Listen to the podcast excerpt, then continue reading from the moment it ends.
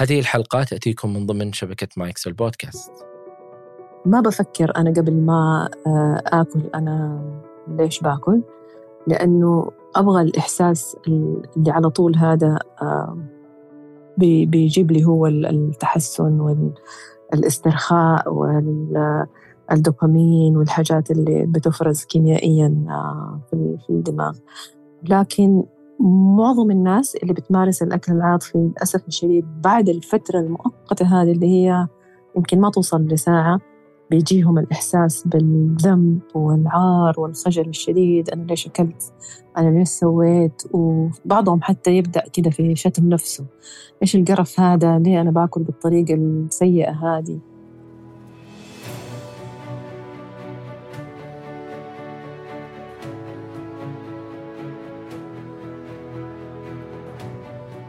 أهلا بكم يا أصدقاء. في هذه الحلقة شاركتني دكتورة منال مرولاني للحديث عن مفهوم آه، الأكل العاطفي. ظاهرة الأكل العاطفي كيف أنها آه، نفرق بين موضوع أنها عادة أمر إحنا نتعايش معه بشكل يومي وما بين أنها آه، أمر يستحق التدخل العلاجي. إيش الفرق بينه وبين الأكل المضطرب؟ الفرق بينه وبين اضطرابات الأكل. حاولنا فهم علاقتنا مع الأكل. كيف أنه تتكون وتتطور هالعلاقة منذ الصغر حتى مرحلة متأخرة من حياتنا. حاولنا فهم تفاصيل مرتبطة باضطرابات الأكل السمنة وعدد من الأمور اللي نقدر نقول أنها هي مرتبطة بالمشاعر والأكل بشكل مباشر. دكتورة منال هي استشاري الطب النفسي حاصلة على شهادة الاختصاص في الطب النفسي من جامعة الملك سعود. كذلك حاصلة على الزمالة في اضطرابات الأكل من جامعة أوتوا. شاركتنا الدكتورة في حلقة سابقة من حلقات بودكاست وجدان. عرفنا فيها اضطرابات الأكل. المرة هذه إحنا نأخذ موضوع الأكل العاطفي بشكل خاص. لا تنسوا يا أصدقاء تقييم البودكاست على ايتونز كذلك مشاركة الحلقات السابقة عن من تحبون عبر منصات التواصل المختلفة.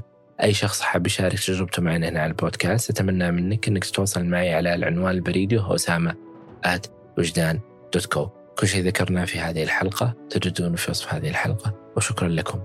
أنا أسامة بن جيفان وهذا وجدان. يعني الموضوع اللي يعني ودنا نتناقش فيه يعني أنا في كثير من الأشخاص دائما يتكلمون عنه لكن ما وجدت يعني محتوى يناقش الموضوع بشكل كبير. برغم أنه يعتبر شيء طبيعي أو أنها عادة يعني لا أقل ولا أكثر. آه، وأحيانا تتحول إلى شيء مجتمعي بمعنى إنه لما نجي نتكلم عن بعض التغيرات اللي تحصل أو بعض اضطرابات الأكل المدح اللي يحصل مثلا للناس اللي نحفوا أو للناس اللي تغيرت أشكالهم وغيرها يمكن ما نعرف إنه ترى هذا هو اضطراب سببه سببه هذا الشيء. في تفاصيل يعني آه، يمكن مختلفة ما هي مفهومة بالنسبة لنا. أحد أهم الأشياء اللي مرتبطة بموضوع ال ال الأكل وهو الأكل العاطفي. نعم. آه، وكيف أنه جزء يعني لا يتجزأ يمكن من حياتنا. وأعتقد ما في شخص يمكن في حياته ما مر بهذه التجربة ولو بشيء بسيط. يعني أصبحت هي ما تحولت إلى كونها عادة وتحولت لكونها اضطراب. لكن الأكل بالنسبة له كان الملجأ في في هذاك الوقت آه، إنه يرجع له ففي من الأشخاص اللي قدر إنه يطلع من من هذه العادة وفي الأشخاص اللي يعني يكمل آه، في في هذه العادة وتحولت إلى كونها اضطراب آه، يستدعي للتدخل. فلما نجي نبغى نعرف الأكل العاطفي بشكل عام كيف إحنا ممكن نعرفه وكيف نفرق بين إنه والله هذه هي عادة لا هذا هو اضطراب. آه نعم آه الأكل العاطفي تعريفه بسيط جدا وهو الآتي أي أكل يمارسه الشخص بسبب الحالة المشاعرية اللي يمر بها وقت الأكل. ببساطة شديدة كده. آه هل هو شيء طبيعي أم لا؟ شيء طبيعي. و90 إلى 98% من البشر في الكرة الأرضية بيمارسوا هذا النوع من الأكل لأننا كبشر بناكل وإحنا مبسوطين بناكل وإحنا زعلانين ونحن قلقين. آه متى بيكون حاجة غير طبيعية؟ لو كل ما أصبنا بمشاعر سواء كانت سارة أو غير سارة أكلنا هنا وقتها بندخل في مسألة الأكل المضطرب. آه وليش يعني هي كانت مضطرب برغم إنه ممكن ما يأثر علي؟ أنا أنا إذا مبسوط بحتفل بالأكل وإذا زعلان بي بي بيواسيني الأكل. صحيح كلامك. آه جميع الأطفال الصغار آه أهاليهم يواسوهم بالأكل وبالشرب وبالوعد إنه آه لو نجحت ولا جبت علامات كويسة ولا ما ضربت أخوك حتاكل. وبعدين ال ال الإنسان اللي هو دوبه مولود أصلا علاقته بالأكل علاقة عاطفية. كل ما بكي الأم بترضعه أو بتشربه مشروب خصوصا في الأطفال اللي هم دوبهم المواليد. فشيء طبيعي إنه الإنسان ياكل بسبب المشاعر لكن لما يتجاوز الحدود الطبيعية اللي هو كل ما كنت قلقانة حآكل كل ما كنت طفشانة حأتسلى بالأكل آه، وأنا آه، شبعانة أو أنا دوبي آكلة طبعا حيأثر على آه، صحة الإنسان سواء كانت الصحة النفسية أو الجسدية. لأنه الأكل عشان أحل مشاعري وأنساها شوية وأنسى مشاكلي معناته ما حيحصل عندي النضج العاطفي ما حيكون في عندي مقومات للتأقلم ويكون عندي تأقلم صحي عشان أتعامل مع مشاكل الحياة. عشان كده بنقول إنه لو تجاوز الحد الطبيعي نعم حندخل في اضطرابات أكل ومنها حتى ممكن ندخل ل آه عفوا آه إلى أكل مضطرب ومنها لاضطرابات الأكل لأنهم هم يعني آه تسلسل. تبدأ المسألة بالأكل العاطفي ما تعالج ما أخذنا بالنا منه آه، أدينا له راحته ممكن يتطور إلى الأكل المضطرب ومنها إلى اضطرابات الأكل. لكن لما آه، آكل في عيد سعيد آه، مثلا أجامل الناس أو مو مجاملة نفسي أكل شوكولاتة أو كيك ورحنا كم بيت عيدنا والدنيا عيد ليش ما ناكل؟ هذا أكل عاطفي. طالما ما فيش موانع صحية ما في سكر ما في ضغط ما في مشاكل حتحصل من, من هذا الأكل هذا أكل عاطفي ويعتبر آه، حاجة طبيعية. لكن مو كل يوم. الشيء اللي يحصل كل يوم وكل شوية ونحل به مشاكلنا هو هذا اللي وصل للدرجة اللي هي آه، قلنا عليها الأكل المضطرب.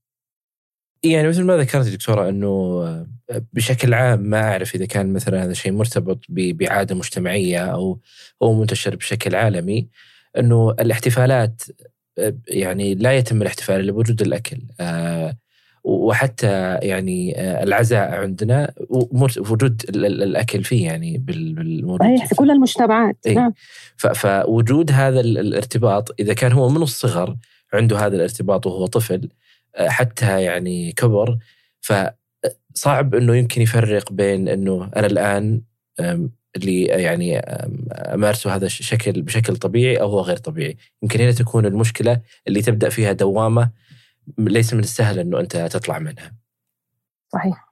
نعم وعشان كذا بنقول للأمهات إنه ما نجعل الأكل آه، لا ثواب ولا عقاب. آه، كنت شاطر اليوم وسمعت الكلام خذ هذه الشوكولاتة هجيب لك آيس كريم ما ما ينفع. آه، الأكل لا نحرم الطفل منه ونقول له والله لأنك ضربت أخوك حتروح تنام من غير عشاء أو إنه لأنك كنت شاطر اليوم حأعطيك شوكولاتة أو حأعطيك ايس كريم الأكل لأجل الأكل. آه كل واحد من حقه إنه هو يأكل. ما نربطه بثواب وعقاب عشان لا يتبرمج الإنسان من صغره على إنه الأكل آه للعاطفة. أشبع عاطفة عندي. طيب الآن الارتباط هذا العاطفي للشخص اللي يمر بمشاعر مختلفة سواء كانت مشاعر فرح أو قلق أو أي من المشاعر إذا كان ال ال الأكل هو الحل اللي يساعده بشكل كبير فإحنا ليش جالسين نمنعه منه؟ أها. لأنه في حال واحد كان آه، يشعر بالقلق بالملل بالإحباط بالوحدة بالحزن بالغضب بالإرهاق الأكل ما هيعالج مشاعرك ببساطة شديدة. حيبنجها آه، ويخليها كده شوية تبعد عنك وتريح خصوصا مثلا أنت من النوع اللي ما تأكل طول النهار وترجع البيت محبط تعبان السكر عندك ناقص عمال تشرب في شاي وقهوة طول النهار وتأكل بسكوتة ولا اثنين وما في أكل. الأكل زي الحبيب يقابل الواحد كده على الباب على طول يدخل على المطبخ آه يبدأ يحط آه كل ما لذ وطاب عشان ينسى رئيسي اليوم آه كان زعلان وتفجر فيه غضبا واحد من العملاء كان آه سيء في معاملته معايا عندي مشاكل في العيلة. هذا كله حيطبطب علي لكن الطبطبة هذه مؤقتة. آه، حتنسيني لمدة عشر دقائق بعدين حأفاجأ بأنه أكلت ما لا يجب أن آكل. آه، سعرات حرارية عالية وما فيها أي قيمة غذائية. وممكن عندي سكر وضغط وعليت سكري وضغطي أو عندي سمنة وزاد وزني وما تحلت مشاكلي مع الناس. ما تحلت. يعني لو عندي مشاكل في الشغل الأكل حيمنع. إنه أنا آه، أتأقلم بصورة صحية مع ضغوطات الحياة اليومية. أصير آه، هو ده ملاذي الوحيد لحل مشاكلي. فعشان كده آه، بنقول إنه هو ما هو طريقة سليمة ولا صحية للتعامل مع مشاكل الحياة. أنت ذكرتي الملل. يعني حتى الملل ممكن أنه يكون داخل من ضمن المشاعر يعني ما هو الموضوع فقط فرح أو حزن؟ طبعا. كل المشاعر اللي أنت ممكن تتخيلها ملل إحباط آه، وحدة ما فيش أحد معايا في الليل الكل نايم. وأنا قاعدة قدام التلفزيون أقوم أدور على فشار أقوم أدور على تشيبس أروح أسوي قدر مكرونة أو رز آه، أطلب دليفري أجيب لتر ونص آه، ice cream في الفريزر وأكمل عليه. فالملل والوحدة والإرهاق كلها من المشاعر اللي ممكن آه، تؤدي بنا لطريق الأكل العاطفي عشان الواحد آه، ينسى شوية. يعني الآن بالكلام هذا أنا أعتقد أنه كل شخص بيسمع هذه الحلقة بيعتقد أنه عنده اضطراب أكل مو فقط يعني أكل عاطفي طبيعي آه، لأنه الكل يعني يعيش التجربة هذه. ف إيش هي المراحل اللي إحنا نبدأ فيها من الأكل العاطفي والأكل المضطرب بعدين نوصل لمرحلة اضطراب الأكل؟ الشدة لما زي ما قلت في آه، أول المقابلة إنه لما ألاحظ إنه أنا في كل مرة بأجي فيها من الشغل أكون قدني تغديت وشبعانة لكني بدور على البسكوت بدور على الشوكولاتة بدور على الشيبس آه، بيتي دائما المؤونة فيه يمكن الحاجات اللي هي آه، سناكات أو الوجبات الخفيفة اللي سعرات حرارية عالية على طول متروس يمكن أكثر من الأكل اللي هو يعني يتاكل في الوجبات ليش؟ لأنه آه لازم يكون متوفر للأوقات هذه اللي أكون فيها مرهقة أكون فيها يومي صعب أكون ما أكلت آه، طول النهار أكون حاسة بالملل لأنه كل الناس آه، عندهم أشغالهم من بدري بيقوموا وأنا عندي جدول ثاني آه، حقعد أسهر. في كل مرة أسوي فيها هذا الشيء معناته يا أنا أنا تجاوزت الحدود الطبيعية للأكل العاطفي اللي يمارسها 98% من الأشخاص اللي موجودين على الكرة الأرضية. ولأنه ممكن تؤدي بي للأكل آه، القهري أو الأكل البنجي فلازم انتبه لأني كده حدخل في اضطرابات أكل. وطبعا يعني آه، بتيجي زي الباكج بتيجي مجموعة من الأشياء مع بعضها. ممكن الواحد بعد شوية يصاب ب ما يسمى القلق الاكتئاب ممكن إنه يصير في عزلة آه، تجيله صورة جسد ذاتية غير صحية لأنه بدأ وزنه يزيد وما يبغى يشوف الناس وما يبغى يخرج. ف يعني بيكون معاها إشكاليات كثيرة ما هي حاجة واحدة لوحدها بعد شوية. آه فأنت تدخل في دوامة آه بدايتها كانت الأكل العاطفي إلى أشياء متفرعة يمكن أكبر من كونها فقط الأكل العاطفي. نعم. طيب ال ال الأكل المضطرب إيش فرقه عن الأكل العاطفي؟ الأكل المضطرب هذا عبارة عن آه، منطقة رمادية ما بين اضطرابات الأكل وما بين آه، ما قبل الأكل المضطرب عموما الاكل العاطفي هو يعني يعتبر واحدة من أنواع الأكل المضطرب الفرق في فيهم إنه أنت الإنسان المصاب باضطرابات الأكل ده إنسان حياته قائمة حول اضطراب الأكل. بيصحى كل يوم من الصباح بيفكر أنا حاكل إيش أو ما حاكل إيش حأحرم نفسي من إيش. آه الناس اللي هم على طول في حميات قاسية متكررة آه تلاقيه الأسبوع هذا آه، حمية الكيتو. بعدها بثلاثة أسابيع بيعمل آه، حقة البحر الأبيض المتوسط اللي بعدها الكارنفور آه، حياتهم عبارة عن حرمان مستمر وانقطاع تام لبعض أنواع الأكل. يعني في ناس السكر بجميع أنواعه حتى لو كان فاكهة السكر الطبيعي يمنعوا على أنفسهم. في ناس تمنع الدهون تماما. في ناس تمنع آه، اللحوم وفي ناس بالعكس تمنع كل حاجة وما تأكل آه، غير اللحوم. هذه تعتبر آه، أكل مضطرب. بعدين في اللي هي المدة الزمنية اللي بيحصل فيها هذا الشيء.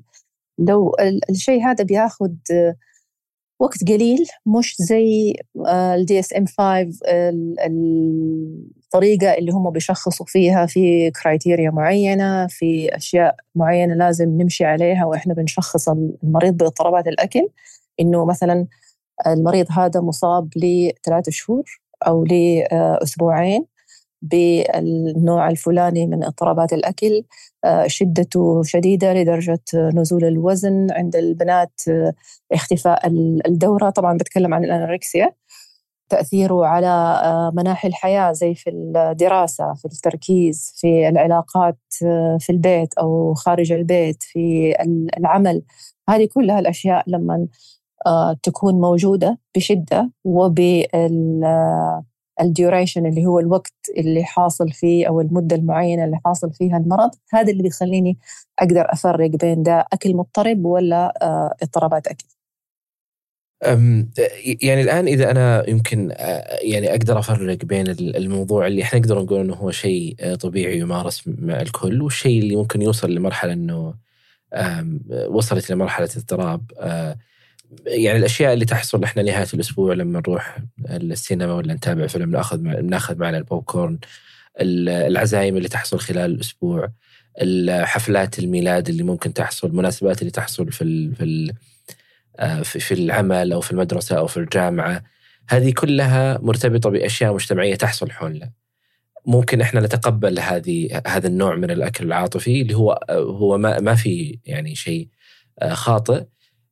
متى تصير المشكلة لما إحنا إحنا شخصيا تكون يعني أفراحنا وأحزاننا ومشاعرنا وكلها مرتبطة بالأكل فما عاد صار الموضوع هو مرتبط بحدث معين بقدر ما هو أي شيء يحصل في حياتي أنا أتوجه للاكل مباشرة. طيب أختصر لك هي في في أربع نقاط اللي لو قلنا كيف حعرف إنه أنا أعاني من الأكل العاطفي صح؟ آه هذه اللي نحتاج نوضحها الآن للمستمعين. إنه لما ألاحظ إنه عندي فقدان للسيطرة في تواجد نوع معين من الأكل في محيطي. مثلا أنا الشيء اللي آه، أفقد السيطرة آه، ولازم آكله الشوكولاتة نفترض كده. فلما تكون موجودة في البيت لازم أي كمية من الشوكولاتة تنتهي. ما يقعد في الصالون أو في غرفة آه، الصالة اللي إحنا جالسين فيها أي شوكولاتة لأنها طول ما هي متواجدة طول ما حتكون عندي الرغبة في إني آكلها ولما تتاكل خلاص لازم تتاكل كلها. فلو حسيت بإنه في أكل معين بفقد السيطرة في في تواجده سواء في بيتي أو في بيت الآخرين أو في العمل يعني كثير من الناس أحيانا يقول لك أنا أعمل في مكتب أو في مدرسة ودائما الناس اللي معايا بيحيطوني بهذا النوع من الأكل. أو بيكون عندي رغبة ملحة جدا آه لما أمر بأحد المشاعر اللي هي السلبية زي الإحباط أو القلق أو الغضب إني لازم آكل. تجيني الرغبة لازم آكل. هذا اللي حيخليني أفرق بين إنه اللي تفضلت قبل شوية وقلت إنه كده حنكون كلنا كأننا بناكل آه، أكل عاطفي وطالما هو طبيعي ليش ما نمارسه؟ لا إحنا الرغبة الملحة كل مرة أمر فيها بمشاعر قوية مزعجة أحس إني لازم آكل. وبعدين الرغبة دي كمان بتكون في في غياب الجوع. يعني أنا ماني جيعانة أنا لسه دوبي آكلة الوجبة سواء كان غداء أو عشاء أو حتى الوجبة الخفيفة. وبعدين الناس حقون الأكل العاطفي بيكونوا ورا الشعور بالإسترخاء اللي بيجيبوا الأكل. وبيحسوا كده إنهم كافئوا نفسهم. يعني أنا كثير آه تحزني التويتة اللي أحيانا يكتبوها البنات في تويتر إنه لا حبيب آه كالشوكولاتة. وما في أحد يطبطب على قلب الواحد زي الشوكولاتة. لا الأكل عمره ما يصل لمرحلة حبيب ولا صديق ولا أخ ولا أحد في حياتنا مهم. المشاعر حقت الاسترخاء هذه تيجي من التواصل مع الناس أتكلم وأعبر وأتواصل خصوصا الناس اللي أثق فيها ويهمني رأيها. لكن ما أحط مشاعري في الشوكولاتة وتطبطب علي على قلبي وزي ما بيجيبوها في الإعلانات للأسف الشديد في التلفزيون. هل فيه يعني آه، مدة معينة أنت ذكرت يمكن في ال DSM في يمكن آه، معايير معينة لكن أنا كشخص آه، هل في مدة معينة أعتقد أنه إذا أنا وصلت لهذه المرحلة؟ لأنه ممكن إحنا كأشخاص نمر أيضا بمراحل مختلفة في حياتنا بمراحل تكون آه، آه، يعني مرحلية ما هي الأساس عندنا سواء خروجنا من من من حدث كبير أو حصلنا شيء. ممكن إحنا ندخل في المرحلة هذه بس إنه ما ما يعني ما نطول في في الموضوع هذا ما هو بشكل يومي فمتى أنا أقول لا في مدة معينة آه، قد أعرف إنه هنا الآن أنا وصلت لمرحلة غير صحية ويفضل إني أشوف الموضوع أبحث عن المساعده.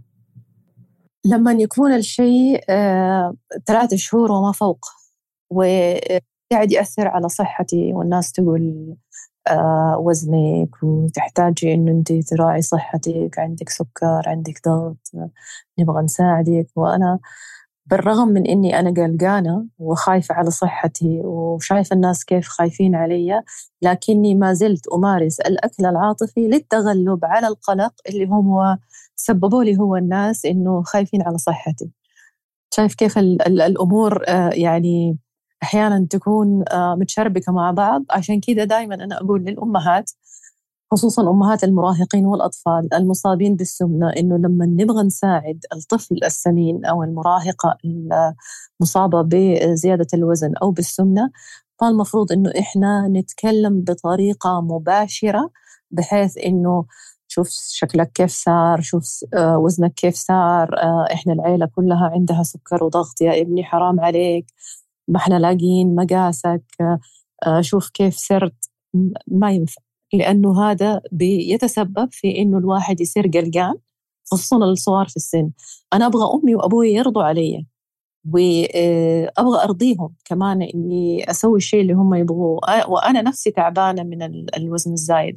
بس ما عندي الملكات اللي تخليني أساعد نفسي.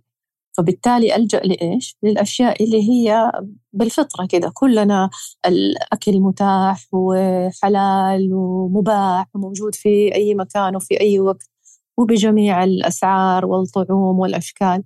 فحاكل لأنه هو حيخفف عني القلق اللي سببه لي هو أهلي. فنرجع لي أنا متى أقول إنه أنا آه، أحتاج علاج؟ اللي هي الأربع حاجات مرة أخرى إنه أنا ما بسيطر لما يكون في آه، أكل معين في محيطي آه، الرغبة الملحة إن أنا آكل ما أبغى أسمع من أحد ولا أبغى أتكلم مع أحد ولا أتواصل مع أحد ولا أعمل تشتيت لانتباهي عن المشاعر البايخة هذه اللي بتمر فيا أبغى آكل. وأكون ماني جيعانة وبحس بالإسترخاء.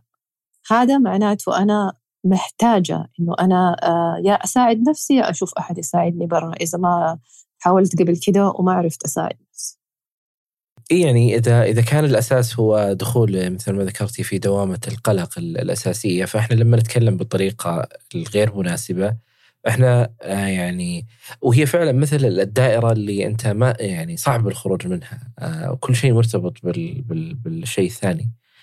لما ذكرتي إنه الحديث ما يكون بغير بغير مباشر يعني. طيب كأم أو كأب أنا كيف أتكلم مع أطفالي عن موضوع السمنة وأنهم ينتبهون على نفسهم؟ أنا أقول لك إحنا كأهالي وأنا واحدة منهم طبعا. كوني دكتورة لا يعني إني أنا ماني زي بقية الأمهات. أكيد أقلق وأتوتر لو شفت أحد من أولادي بيمارس آه، سلوكيات ما هي صحية.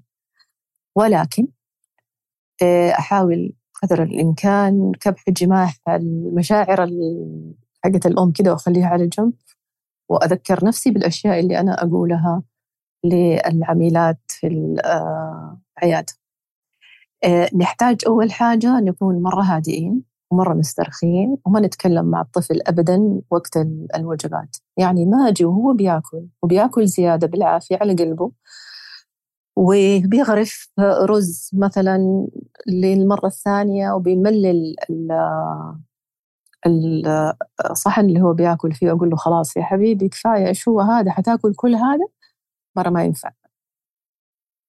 لما يخلص وياكل بالعافية ونكون مسترخي كده وقاعدين في جلسة رايقة بنشرب الشاهي أو مثلا بنتمشى على البحر أو رحنا نقضي. أقول له أنا ملاحظة إنه أنت نومك كأنه مو مريح.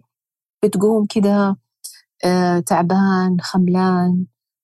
آه، يقول لي إيه والله آه، فعلا أنا اليومين هذه نومي مو مستريح.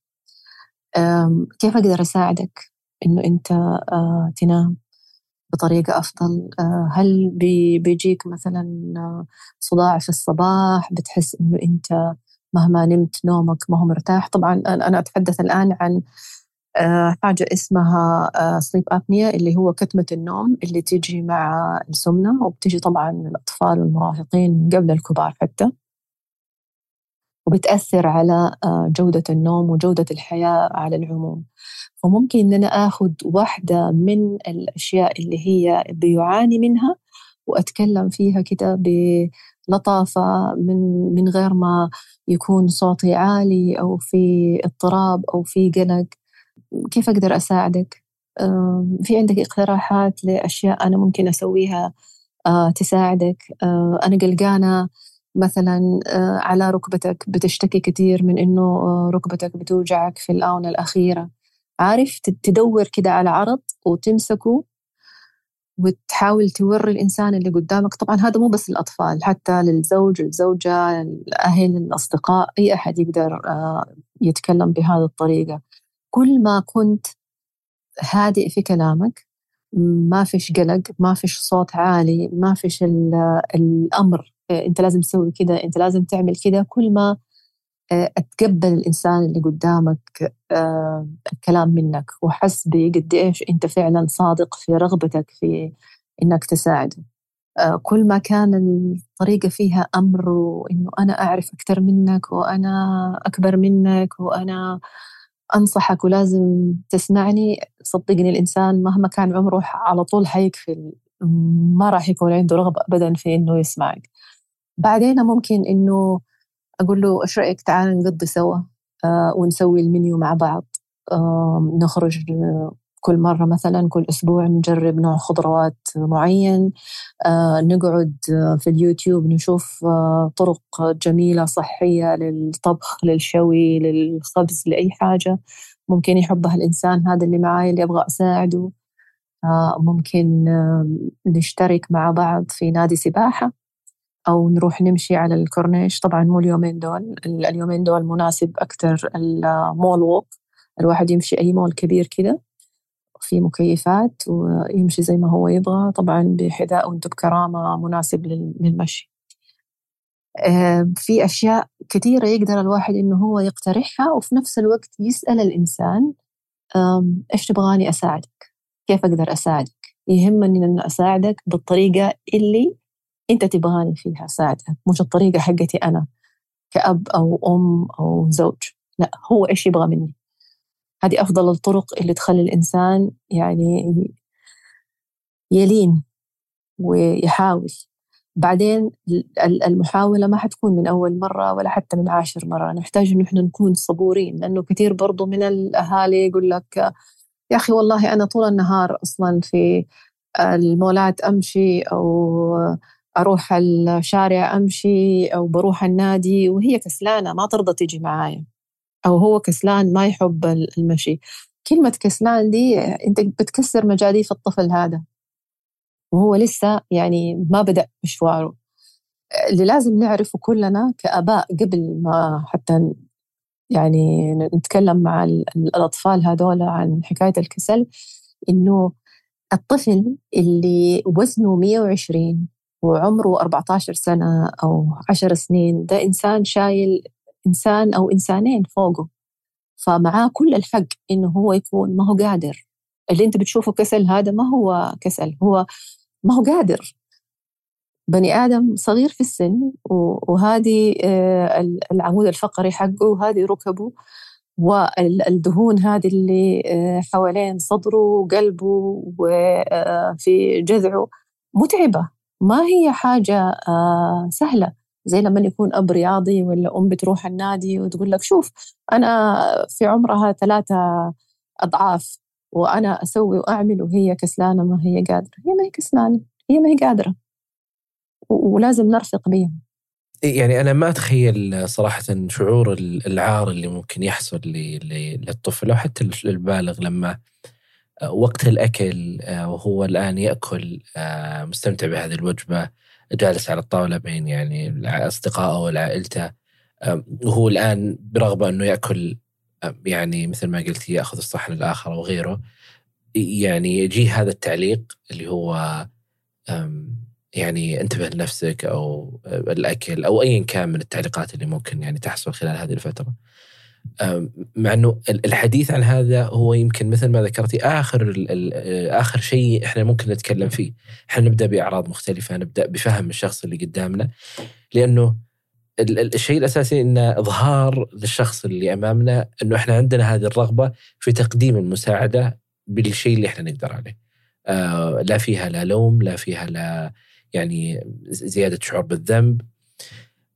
يعني هذه النقطة مهمة لأنه للأسف إحنا ما نتكلم فقط عن الأكل العاطفي يعني ولا نتكلم يمكن عن اضطرابات الأكل بشكل عام زيادة الوزن دائما هي مرتبطة بالتعليقات على الشخص آه، والحديث عن الشخص والكلام عليه آه، يعني معتقدين بشكل يعني تام إنه هذه هي الطريقة الأنسب إنه هذا الشخص يعني آه، يستحي على دمه ويروح ينحف.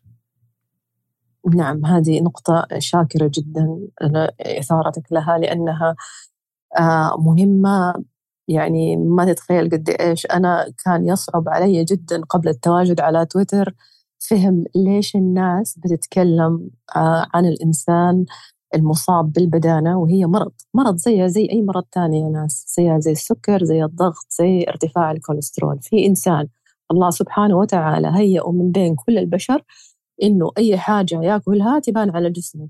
في ناس وكلنا عارفين بتاكل آلاف ال calories في اليوم وما شاء الله تبارك الله طول ما هم قاعدين ياكلوا وسعرات حرارية عالية لكن ما بيبان عليهم الوزن. وهذا على قولتهم يعني لو شم الأكل آه، زاد وزنه. فكيف أنت تقول لي أنا بأحفز ولدي أو بأحفز زوجي أو زوجتي أو أخويا بإني أخليه يستحي على دمه شوية ولازم يكون عنده دافع وما يصير نتركه وما نأنبه وما نتنمر عليه. التنمر واجب. أنا مرة واحد رد علي في تويتر قال لي التنمر واجب على السمين. كيف؟ كيف التنمر واجب وهذا اضطراب؟ يعني أن الناس بتعتقد إنه السمنة هي مجرد إنه ده بني آدم كسول ما بيحب الرياضة وبياكل كثير لا. العلم الآن بيقول لك في ما يقارب المية سبب الآن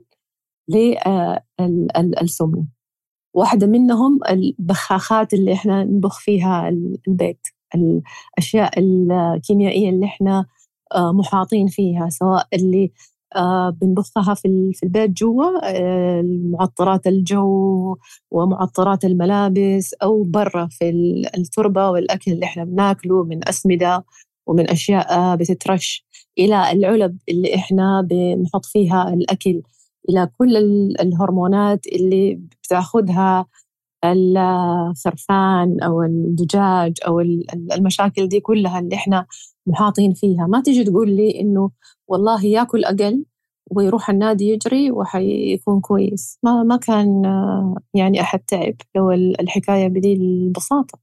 ولا كان الناس زاد وزنها بعد خمسة وستة وسبعة سنين من آه، جراحات السمنة.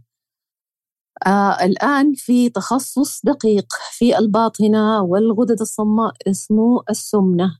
ما بيشتغلوا دكاترتها إلا مع المصابين بالسمنة أطفال ومراهقين وبالغين وما بعد جراحات السمنة.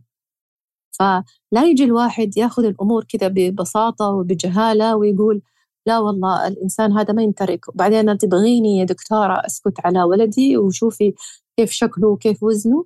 طب أنت ليك 15 سنة وأنت بتزن على رأس هذا الطفل المسكين. هل شفت أي في أي فرق؟ هل سمع لكلامك يوم ونحف بسبب كلامك؟ لا. معناته نغير الطريقة. معناته اللي أنا بسويه ما هو نافع. معناته الطريقة المثلى لمساعدة الإنسان المصاب بالسمنة أو اضطرابات الأكل إنه نتفهم نحترم نقدر آه، نخلي الإنسان حاسس بقيمة نفسه كبشر. أنا ماني وزن ولاني حجم. أنا إنسان. فيعني مسألة التعامل مع الوزن هذه تحتاج وقفة مرة كبيرة.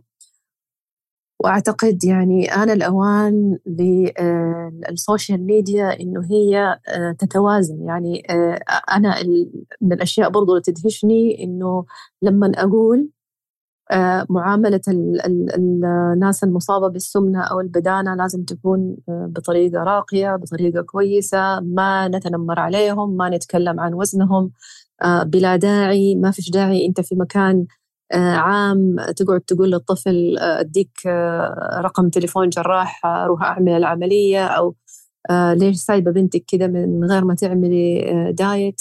ما ينفع الكلام هذا. لازم إنه الناس يصير عندها مقدرة على فهم إنه الأشياء هذه اللي أنتم بتسووها ما بتخدم الإنسان بالعكس قد تسيء إليه وتسيء لنفسيته وتتسبب له في مشاكل آه، هو في في غنى عنها. وهذا لا يعني لما أقول ده الكلام يقول لك دكتورة منال ضد الرشاقة أو ضد الصحة أو ضد جراحات السمنة اطلاقا. أنا لست ضدها. أنا ضد إنه الواحد يشيطن مسألة السمنة اللي هي مقدور عليها بالأشياء الجيدة الأشياء الصحية بالكلام الطيب. لكن أنت آه، سمينة المفروض إني ما أقول لك والله اللبس عليك حلو ولا أقول لك أنت إنسانة آه، كويسة ولا أقول لك أنت إنسانة منتجة آه، في الحياة ولا أنت عندك نجاحات ولا المفروض إنه إحنا نقبل بإنه العارضات الأزياء يكونوا من ذوي الأجساد الممتلئة؟ ليش؟ ربنا ما خلقنا لون واحد ما خلقنا طول واحد ما خلقنا وزن واحد. فإن كانت في سيدة تتمتع بالصحة بتمارس رياضة بتاكل كويس ووزنها زايد إيش لنا شغل فيها؟ ليش لازم أجي آه، أهزئها وأقول لها مو لايق عليك اللبس وهذا مو حقك وترى السمنة بطالة وحتجيب لك مرض.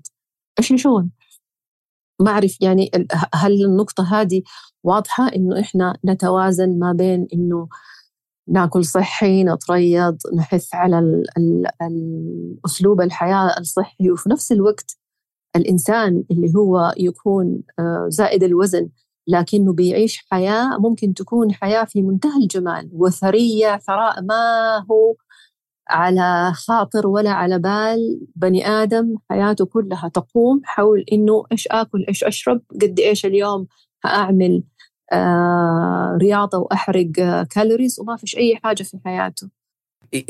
جزء منه يمكن أيضا إنه لما صار الموضوع بالنسبة بشكل عام إنه الموضوع هو مجرد أرقام يعني آه انت بس كل هذا العدد من السعرات الحرارية وخلاص والحياة سهلة يعني ليش انت معقد الموضوع؟ يعني هذه النظرة لما تحول الشخص من كونه شخص إلى كونه رقم مجرد رقم ومجرد وزن ومجرد يعني عادة إذا انت عدلتها الأمور يعني تتعدل بسهولة. يعني لما نتكلم عن الأطفال وحتى نتكلم عن البالغين لما نتكلم عن شخص وصل لهذه المرحلة من من السمنة وهو لسنوات طويلة يعني ستة سبعة ثمان عشر سنوات من حياته وهو عنده هذه العادات اللي اللي يمر فيها عنده التغيرات اللي يعني يتعايش معها. فهل باعتقادك الآن الكلمة أنت الآن اللي يعني تشاركها الشخص اللي أمامك كل شيء بيتغير؟ آه وإحنا نعرف أنه التأثيرات يمكن أيضا الصحية اللي اللي مر فيها هذا الشخص ليس بالسهولة أنه يعني يتعافى منها. وتأخذ وقت لا بأس به إلى أنه يصل للمرحلة المناسبة. ف فالحديث هذا يعني آه، لوحده هذا يمكن شيء مختلف غير عن الحلول اللي إحنا ممكن نقدمها للشخص الثاني. فقط أنا تركيزنا على هذا الحديث على الأشخاص القريبين منا والأصدقاء آه، والأطفال وغيرهم كيف أنه إحنا جالسين نركز على الموضوع بطريقة خاطئة. وهو بداية يمكن تقديم المساعدة اللي إحنا ممكن نسويها. طيب الآن لما نجي آه، نتكلم عن ال ال آه، يعني الفرق بين أو أنا كيف أنا أفرق بين الجوع العاطفي اللي هو أنا أقول هذا هو جوع عاطفي وما بين جوع لا هو فسيولوجي أو آه، هو احتياج أنا لابد اني ألبي جسدي.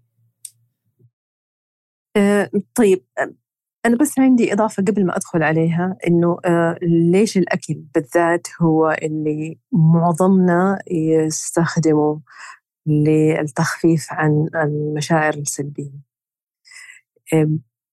الأكل دايما آه، في الدماغ بيحفز المنطقة اللي هي آه، منطقة اللذة أو المكافأة. ولما يحدث آه، تكرارا ما يكون عندي وسائل أخرى في حياتي للتأقلم مع مشاعري.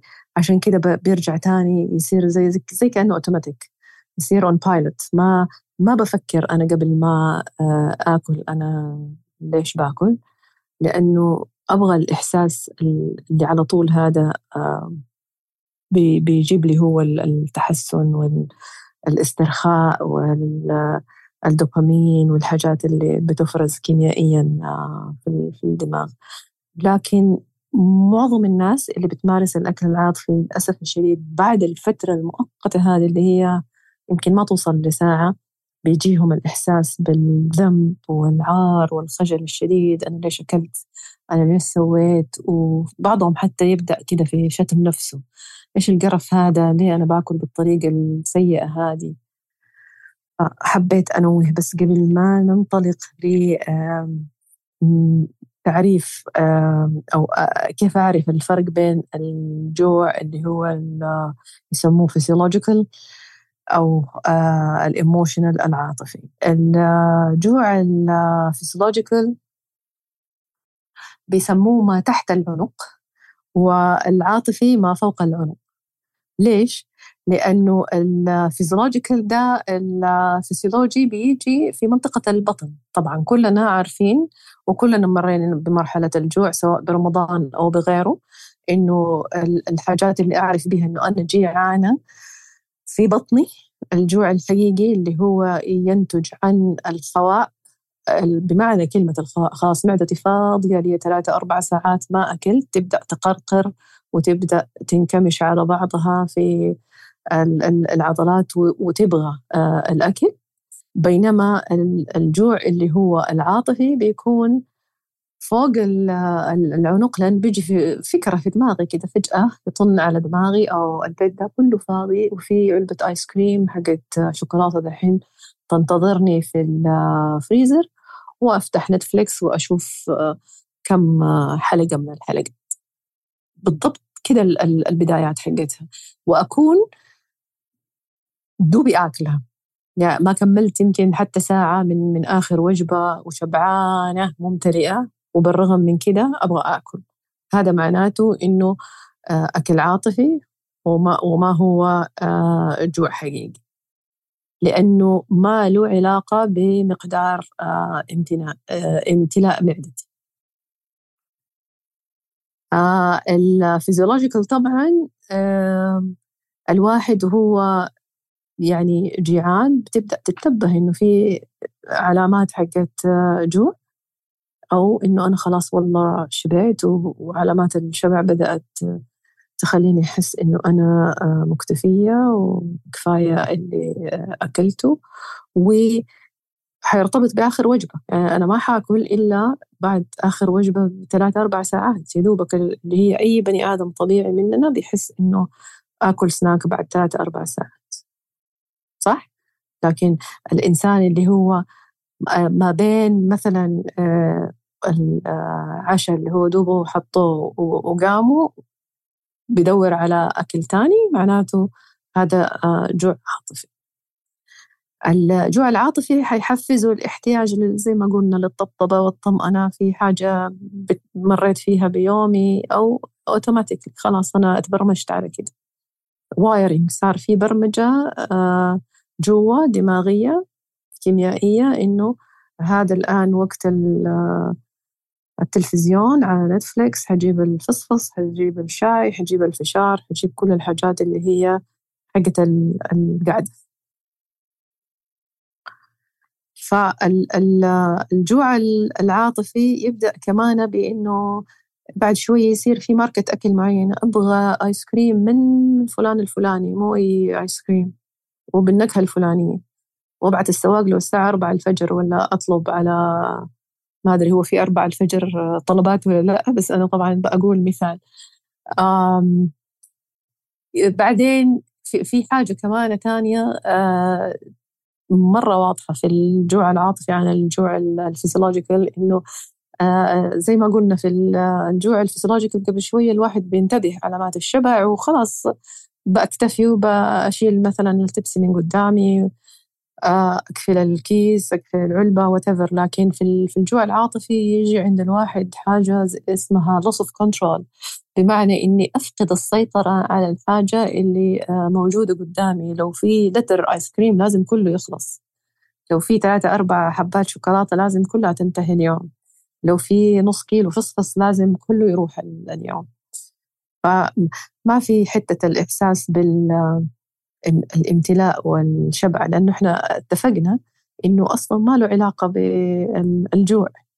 ولا آه، أبدا أنت وأنت بتاكل في عندك أي انتباه لمقدار آه، امتلاءك وحتى لو حاسس إن أنت ممتلئ كمان الأسوأ إنه ما حيمنعني إني آكل أكثر. هذه تقريبا آه، الفروق بالإضافة إلى أنه الإنسان لما يكون جيعان لو لقى آه، يعني أكل إيش ما يكون ما راح يتشرط ولا يقول لا والله ما أبغى.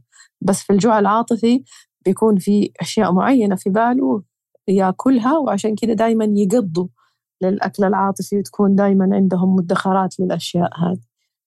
هنا هل يرتبط يعني هذا النوع من الأكل الجوع والجوع العاطفي لما يكون الأكل العاطفي في هذا الشعور بالذنب اللي توصل لمرحلة مثلا إنه ما يخلي الناس يشوفون إيش اللي جاب لغرفته أو الأكل أو يأكل وحده يبدأ إنه يتحول لمرحلة مختلفة من كونه فقط أكل مجرد إنه أكل إلى إنه هو يعتقد إن هذه الأشياء ما هي ما هي مريحة إنه إنه الناس يشوفونها ويشاركها مع الغير؟ أيوه آه، آه، هنا ممكن نكون بدأنا في واحدة من المراحل حقت الأكل القهري. الإنسان اللي هو يكون حريص على السرية إنه أنا آكل وأنا في غرفتي ما أحد يشوفني لأني حآكل بكميات كبيرة والكميات الكبيرة هذه بتخليني أحس بالخجل والعار والقرف والإحساس بالذنب. معناته ممكن يكون دخل على مرحلة اللي هي ما بعد آه، الأكل المضطرب اللي هي اضطرابات الأكل. آه، هذولاك يختلفوا عن الأكل العاطفي في الكميات. الأكل العاطفي دائما يعني ممكن الواحد يمارسه مع الناس. أنا أكون قاعدة ومعايا العيلة وآكلين وشبعانين بس لأنه ارتبط عندنا شرطيا كده نتفرج مع آه، بسكوت وشوكولاتة وحلو وفشار. فعادي ناكل ما فيش إحساس بالذنب كلنا بناكل ومبسوطين ولا جايبين أصلا خبر إنه ده شيء ما هو صحي. وتعودنا عليه وفي حتة المشاعر إنه في مشاعر إيجابية مش اتفقنا إنه إحنا حتى احتفاليا بناكل مش بس في المشاعر السلبية أو في الأحزان حتى وإحنا مبسوطين. لكن هداك حريص على سرية تامة إنه هو ما يتشاف وهو بياكل. بيجيله إحساس قهري. الآن حأقوم في الثلاجة في آه، نص كيكة من آه، ضيوف امبارح في شوكولاتة في الصالون نص كيلو آه، في مثلا توست نص في الثلاجة وفي peanut butter وفي مربى.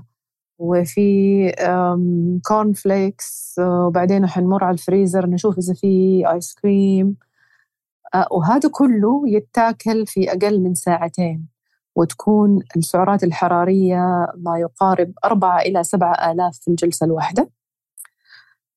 وتكون قهرية وسرية ويصحبها إحساس بفقدان السيطرة والإحساس الشديد بالندم وبالخزي وبالعار. وبعدين يقعد الواحد بالمشاعر هذه ما يسوي أي حاجة. يعني الفرق بين الأكل البنجي اللي هو القهري والبوليميا في التالي. إنه الإنسان اللي عنده بوليميا بيحاول بعد ما يأكل السعرات الحرارية العالية هذه بسرية تامة بطريقة آه، وسواسية قهرية بيتخلص منها. لأنه عارف إنه عواقبها حيكون في زيادة وزن بسبب السعرات الحرارية الكثيرة اللي أكلها في وقت قصير. ف آه، وأنت بكرامة بيحاول يتقيأ ياخذ مسهلات آه، يحاول إنه هو ياخذ اللي هي تنزل الموية مدرات البول آه، يحاول يمارس رياضة ثلاثة أربعة ستة ساعات ورا بعض شديدة يقوم صايم بعدها بيوم ويومين وفي ناس تصوم ثلاثة أيام بس تشرب موية وشاهي. بيصير في سلوكيات بيحاولوا فيها to undo الشيء اللي عملته وحطيت سعرات حرارية في جسمي أبغى أخرج. الأكل ال binge ما فيها. أي تخلص من السعرات الحرارية الزائدة. ويمكن في شيء أيضا مرتبط يعني لما نتكلم بالذات عن الأكل عن أي يمكن عادة مختلفة. الأكل متوفر في كل مكان. الأكل يعني سهل الحصول عليه رخيص حلال لا يوجد عليه أي يعني يعني أمور قانونية إنك تأكله متى ما أردت يعني. فهو أقرب وأسهل وسيلة للتعامل مع كل ما يحصل في حياتك. عكس يمكن عادات مختلفة ليس من السهل إنك يعني تبدأ بالاعتماد عليها لحدود يعني سواء كانت قانونية مجتمعية دين أو غيره آه، عكس عكس الأكل. صحيح. آه، لو تسمح لي أرجع بس لأهمية الأكل المضطرب عشان المستمعين يعني يمكن تكلمنا كثير في أشياء آه، مختلفة ما يختلط عليهم الليلة. الفرق بين الأكل المضطرب واضطرابات الأكل. الأكل المضطرب بيكون زي الأشياء اللي حواليننا بعض الناس كده في عندهم طقوس في الأكل. آه، عندهم انعدام في مرونة فيما يخص خيارات الأكل. خيارات الأكل واحد اثنين ثلاثة ما ما أخرج عنها. هدول بيطلق عليهم آه، أصحاب الأكل المضطرب. لما أكون من الناس اللي آه، أطلق مسميات على الأكل. للأسف الشديد أن الحكاية هذه يعني أكاد أجزم إنه على القليلة دائرتي بالرغم أن أحذرهم دائما إنه رجاء أي أحد يبغى يتكلم بطريقة سلبية عن الأكل وفيها إحساس بالذنب ما ما يجي جنبي. ولا يوريني يعني لا تبعتوا لي في ناس كذا مستفزة. شوفي دكتورة إيش بيقولوا. فأنا آه، طبعا يعني مهمتنا التوعية. أيوة لكن كل واحد حر في حياته. ماني شرطة تويتر عشان آه، الناس تاكل آه، صحي أم أم لا. لكن في ناس كثير للأسف الشديد بتطلق مسميات على الأكل وتقول لك هذا جنك فود هذا أكل محرم. هذا تابو هذا وحش هذا سيء. الأكل أكل. يعني في ناس كثير تعترض على الكلام هذا ويفضلوا يقولوا لا يا دكتورة ما يصير هذا أكل ما هو كويس هذا أكل يعلي الكوليسترول. طيب ما اختلفنا. يعني الأشياء اللي هي زي السكر المكرر زي الدقيق المكرر زي الأشياء اللي هي الأكل الجاهز اللي دهونه عالية. صحيح هو أكل قد لا يكون صحي مية في المية لكن لا بأس إن الواحد من آن لآخر. أنا ما بقول كل يوم ولا بقول كل شهر. لكن لو أنا مسافرة لو أبغى آه، أجرب حاجة جديدة لو أنا آه، أحبه وأبغى أكله آه، مرة واحدة في الشهر إيش إيش اللي يمنع؟ ما في حاجة تمنع. الأكل ما له صفة معنوية عشان أقول عليه جيد أو سيء. هو ما هو إنسان هو أكل موجود لتغذية أجسادنا وإحنا لينا الخيار في آخر اليوم. فما نفعله نحن بالأكل هو اللي يجعله جيد أو سيء. يعني من المفارقات المضحكة إنه أول ما اشتغلت في آه، اضطرابات الأكل في أنا بديت في 2005 كنت أسمع إنه آه، السلطة يا دكتورة والشوربة من أكل الرجيم وعشان كده أنا ما أحبه. مين قال إنه السلطة وال والشوربة من أكل الرجيم؟ هذا أكل ربنا خلقه والناس بتاكله من زمان من من قرون. مين مين اللي قال عليه إنه هو ده الأكل الصحي أو هو ده أكل الرجيم أكل زيه زي أي أكل. آه الأكل الجاهز اللي هو جانا من المجتمعات الغربية قد لا يكون بجودة آه الأكل الشرقي اللي إحنا متعودين عليه حق جداتنا من مشاوي من خضروات من إدامات كائن ما يكون الأكل لكن لا يمنع إنه هو يكون أكل. لما آكله كل يوم ولما أتخيل إنه في أطفال بياكلوا فطور غدا عشاء من أحد المطاعم السريعة يوميا. هذا هذا هذا اللي آه، صار سيء لأنه أنا جعلته سيء. كيف طفل أنت تتركه ياكل فطور من المكان الفلاني بعدين يرجع بعد ما هو راجع من المدرسة جاب له سندوتشين ثلاثة ومعاه الذي منه التحابيش وبعدين يرجع في العشاء يبعث السواق يجيب له كمان آه، ثلاثة سندوتشات. هذا اللي يجعل الأكل سيء. كيف نتصرف فيه وبأي كمية وطريقة نأكل. لكن إطلاق المسميات على الأكل ما هو شيء صحي ويعني إنه الإنسان عنده أكل مضطرب. لما أدخل في حميات متكررة وأحرم نفسي من أنواع معينة من الأكل. حرمان بات ما أحط في فمي أبدا. وكمان أحرم على البيت مو بس على نفسي. لما الأكل غالبا بيكون آه، آه، كردة فعل المشاعر ومش عشان عندي إحساس فيسيولوجيكال آه، للجوع. عندي أوقات فوضوية للوجبات. في ناس كثيرة يعني في العيادة كنت أشوف الكثير من الصغار في السن بالذات اللي هم الثانوي آه، مقلوب عندهم جدول النوم آه، خريجات الجامعة أو في الأجازة آه، تقوم مثلا على الساعة أربعة العصر وتفضل جيعانة من ما في رغبة في الأكل لأنها نامت على الساعة 8 عشرة صباحا وحتأكل تقريبا في هذا الوقت. ال في أوقات فوضوية للوجبات ما هي مرتبة وفي نفس الوقت في مزاجية في الأكل. حتى الناس هذه اللي هي تأكل وجبة واحدة في الغالب حيكون أكلهم كالتالي. آه حيدوروا على السناكات آه تشيبس والحاجات اللي تتقرمش والشوكولاتة والكالوريز العالية أو وجبة من الوجبات السريعة وتكون وجبة يعني محترمة اللي هي دبل فهذه برضها تعتبر من آه، الأكل المضطرب.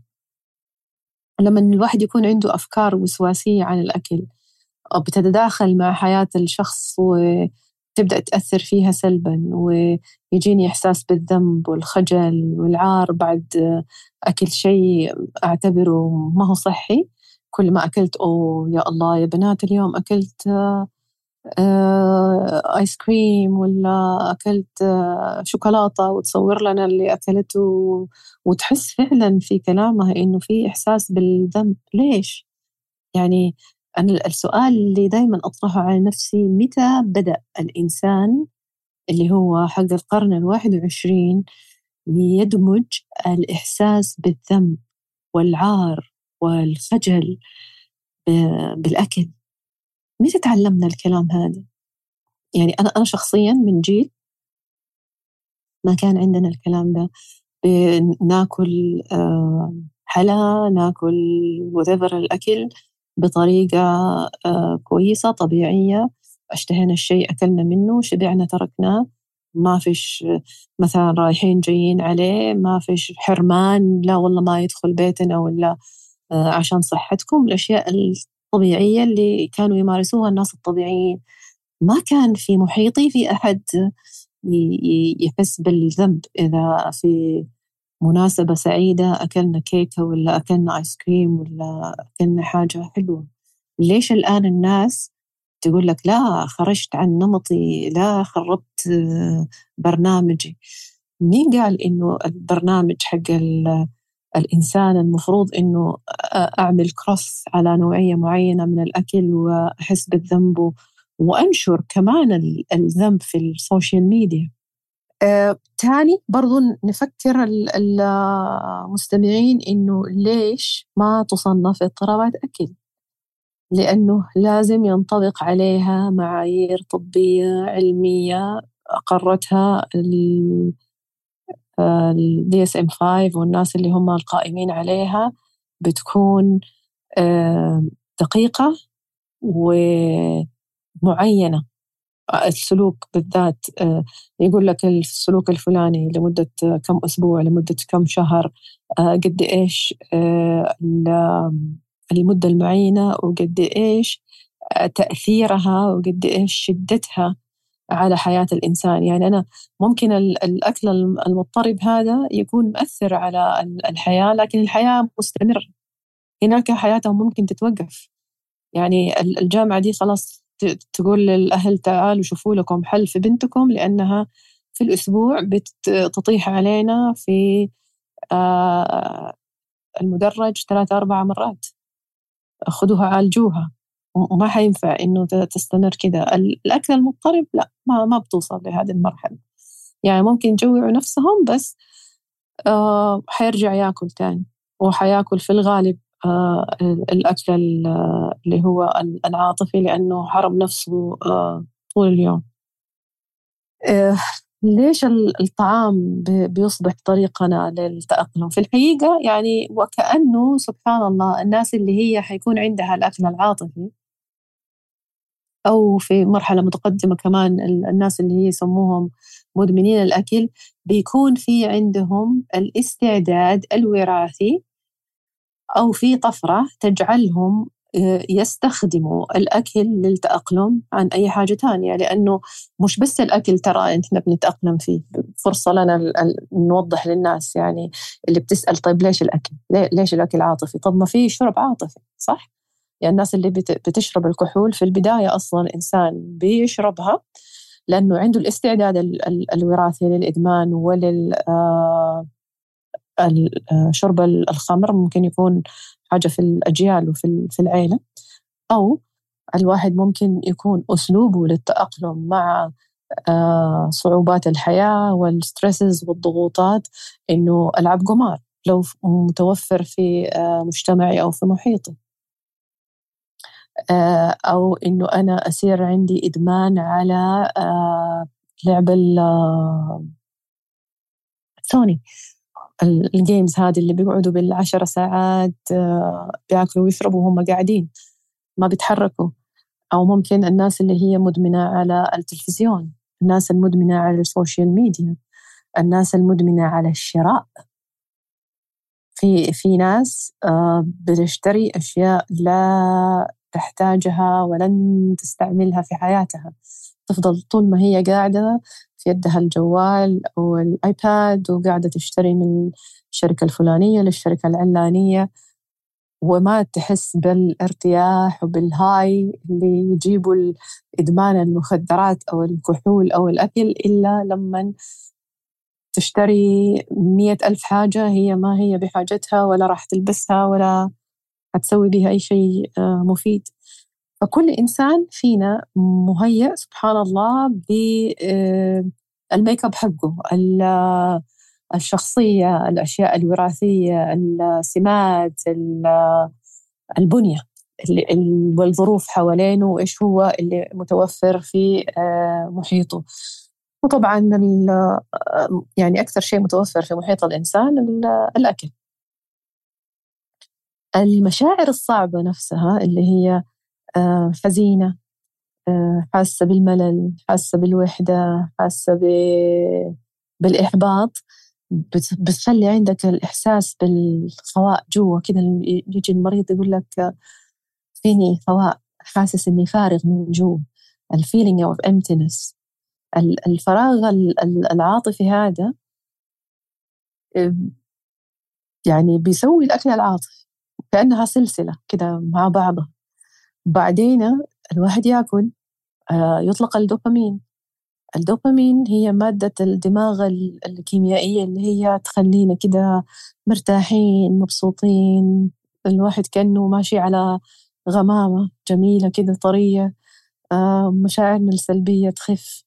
تتبنج كده كأني أخذت مخدر مؤقت وخصوصا الأشياء الناعمة اللي تدوب في الفم الشوكولاتة الآيس كريم.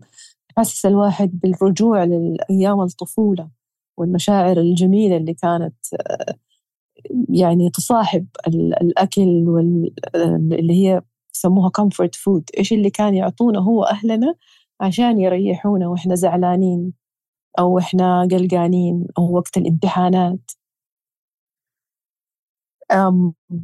بالإضافة لأنه الإنسان بيكون روتين وعادات مع الأكل إلى أنه لو لجأت للأكل في كل مرة تمر فيها بمشاعر صعبة حتخلي كأنك مبرمج أوتوماتيكيا إنه حأبحث عن الطعام. أول فرصة ظهور الضغوط في حياتك بدون أي إدراك ولا وعي إن أنت مبرمج خلاص حروح آكل. بالإضافة زي ما تفضلت إنه يعني الأكل هو قدامنا حوالينا في كل مكان. وبعدين الإعلانات طول النهار ال social media التلفزيون إيش ما فتحت أنت آه، مطارد. آه، إيش شوكولاتة إيش آيس كريم السناك. يعني للغرابة إنه ما فيش أحد أبدا في أي يوم من الأيام حيقول لك والله عندنا أجود أنواع الفواكه آه عندنا شوفوا الثلاجات حقتنا نجيب لكم أحلى أنواع وأغرب وأعظم أنواع الفواكه والخضروات من بلاد الواقواق. ما فيش. دائما لازم تكون شوكولاتة وسناك وبسكوت والحاجات هذه. الأكل العاطفي أي بني آدم على وجه الأرض هو عنده القابلية إنه يصاب به. رجل امرأة طفل بالغ مسن كهل أب أم مراهق أي بني آدم على وجه الأرض بإمكانه إنه هو يصاب بالأكل العاطفي اللي هو قد يتطور لأكل مضطرب من درجة عالية ويحتاج آه، إنه هو يعني يتعالج. بيصبح مشكلة لما الشخص اللي يمارسوا ما بيستخدم أي طرق أخرى صحية للتأقلم. يعني أنا في كل مرة أزعل فيها بدل ما أرفع السماعة على أختي ولا على أمي ولا على صديقتي أقول لها شفتي إيش سووا فيا اليوم شفتي آه، مريت بكذا آه، شوري علي أو من غير مشورة بس أفضفض. أتواصل مع الناس. أنا بتواصل مع الأكل. بأمنع أي تواصل آدمي طبيعي. ربنا خلقنا لكي نتواصل مع بعضنا البعض. وعشان كده دائما أطباء النفسية جميعهم بيقول لك إنه واحد من علاجات الأمراض النفسية والإضطرابات النفسية التواصل. ولمن فقد طريقة التواصل بنرجع إعادة تأهيله إنه كيف يتواصل مع الناس كيف يتواصل مع مشاعره كيف يعبر عنها. دي كلها طاقة وضغوطات لازم تخرج وتخرج بطريقة صحية مع صديقة مع معالجة مع أحد أثق فيه لكن ما ما أخرجها مع أكل يطبطب علي لأنه في الحقيقة ما ما بيطبطب. الأكل يعني لازم أنوه آه، الحتة هذه مرة مهمة إنه اليوم اللي حنصوم فيه مطولا عن الأكل أو اليوم اللي ما حتاكل فيه آه، ما يكفيك هو اليوم اللي حتاكل فيه أكل عاطفي. يعني دائما يتكرر السؤال ده في العيادة. دكتورة تعرفي إني يوم ما أقول بسم الله أنا بكرة هعمل دايت آه، هذاك الأسبوع كله ينخرب وآكل اللي أكل أصلا اللي أنا ما أحبه. ليش؟ لأنه بدأت تخوف اللاوعي عندك إنه ده البني آدم لما بيسوي رجيم بيسوي رجيم آه، أو دايت مرة شديد مرة متعب مرة مرهق. في الغالب الناس بتعمل حاجة اسمها كراش دايت اللي هو الحمية القاسية جدا اللي تكون في حدود ال 800 كالوري دي مرة خطرة يا جماعة على الصحة على الصحة الجسدية والنفسية. اليوم اللي حتصوم فيه وتنسى تاكل آه، سواء بتتناسى وقاعد تشرب شاهي وقهوة وما أبغى آكل وخلاص أبغى أنزل وزني أو نسيت لأن أنت كنت مشغول أو ما أكلت أكل يكفيك حتلاقي نفسك في الليل غصبا عنك حتاكل أكل أنت ما كنت أصلا تاكله أو ما عندك الرغبة فيه لأنه جسمك أصلا مخلوق عشان يتوازن. أنت المفروض في سنك في عمرك في وزنك في طولك بالطريقة اللي أنت نشط فيها أثناء اليوم تأكل 1600 1800 تيجي أنت ما تسوي لي غير 800 طيب أنا الساعة 11 أو 12 في الليل حخليك تأكل 1500 عشان توازن لي الشيء اللي ما أعطيتني هو في النهار. فيصير كأنه توازن نفسي عاطفي وتوازن جسدي واحتياج للكالوريز اللي انت أصلا يعني آه، ما اعطيتني هي كان المفروض إن انت تعطيني هي بعد الكلام هذا كله السؤال حيجي في بال المستمعين كيف أقدر أوقف الأكل العاطفي؟ هل أصلا أقدر أوقف؟ آه، أقدر أقول إنه هو صعب لكن مو مستحيل كبداية إيش الصعوبة وإيش الإشكالية اللي تواجهها؟ ببساطة شديدة الصعوبة في إنه التغيير كتغيير آه، شيء صعب. يعني آه، إحنا لو آه، حنتكلم عن دائرة التغيير اللي هي pre-contemplation contemplation بعدين اكشن اللي هو أصلا أنا ما أكون واعي إنه أنا عندي إشكالية. يعني في كثير من الناس أتوقع إنه ما يكون عندهم علم الليلة بما يسمى بالأكل العاطفي. وكانوا يفتكروا إنه هي دي عادة غذائية عادية كل الناس تمر بها خصوصا لو أنا جاية من عيلة كل اللي فيها يمارس الأكل العاطفي فما حأقدر أقول إنه ده والله ما هو شيء يعني مية في المية آه، صح. أقول عادة إحنا عندنا عادة كده في, في الأهل. وما حتفرق معايا لو أنا آه، أبغى أنزل وزني لأن أفكر يا رب يمكن هذا هو اللي مأثر على وزن أبدا ولا حيجي في بالي. بعدين ممكن إنه بعد ما أسمع الحلقة هذه أبدأ أفكر أوه والله قالوا في في الحلقة هذه إنه آه، الأكل العاطفي قد يكون آه، درجة من درجات الأكل المضطرب وإنه آه، قد أحتاج يعني ألحق نفسي قبل ما يتطور عندي. ف تكمن الصعوبة في إنه مجرد إن أنا أعرف ويكون عندي معلومات وأدرك هذه الأشياء لا يعني بالضرورة إني أنا لازم أشتغل على نفسي صح؟ صح ولا كان الناس اللي هي بتدخن أو بتمارس أي سلوكيات ما هي صحية سواء نفسية أو جسدية كان زمانهم أول ما عرفوا مخاطر التدخين مخاطر الشيشة مخاطر الفيب كان وقف لكن الناس ما بتوقف. مجرد إن أنا أدرك وأعرف وأفهم وأستوعب تماما لا يعني إنه أنا جاهزة للتغيير. التغيير هذا يحتاج وقت ويحتاج إنه أنا أبدأ. ف أول خطوة أخذها عشان أوقف الأكل العاطفي اللي هو صعب ولكن غير مستحيل إن أعمل حاجة اسمها يوميات مشاعر. أنا دائما آه، يعني أنصح بها جميع الناس اللي هي عندها إشكاليات مع الأكل سواء كانت bulimia binge eating anorexia emotional eating night eating syndrome اللي هو آه، متلازمة الأكل الليلي أو الناس اللي هم آه، يبغوا آه، يفقدوا وزن بأسلوب حياة صحي مختلف أو عن طريق جراحات السمنة. بقترح عليهم إنهم يعملوا يوميات مشاعر وتكون مشاعر مع أكل. يعني ما هي بس مشاعر لوحدها. بمعنى إنه في الأيام اللي آكل فيها بدون جوع حأسجل الآتي إيش حصل في هذاك اليوم؟ خلاني آكل من غير ما أكون جيعانة. إيش المشاعر اللي مريت فيها؟ إيش طبيعة المشاعر اللي لما مريت فيها جاتني رغبة شديدة أبغى آكل الآن أسيب كل شيء في إيدي؟ أكون بذاكر أكون بأشتغل أكون بعمل اللي بعمله أسيب كل حاجة في يدي ودحين أدور على الأكل. فين كان المكان؟ وكنت مع مين؟ لأنه في تأثير للمكان وللصحبة. ممكن إنه يخلينا وقتها ناكل الأكل العاطفي. في ناس تقول لك مثلا لما أكون في بيت أهلي أو في بيت أهل زوجي أتوتر ويكون الجو مكهرب وأجري أدور لي على أي حاجة أكلها.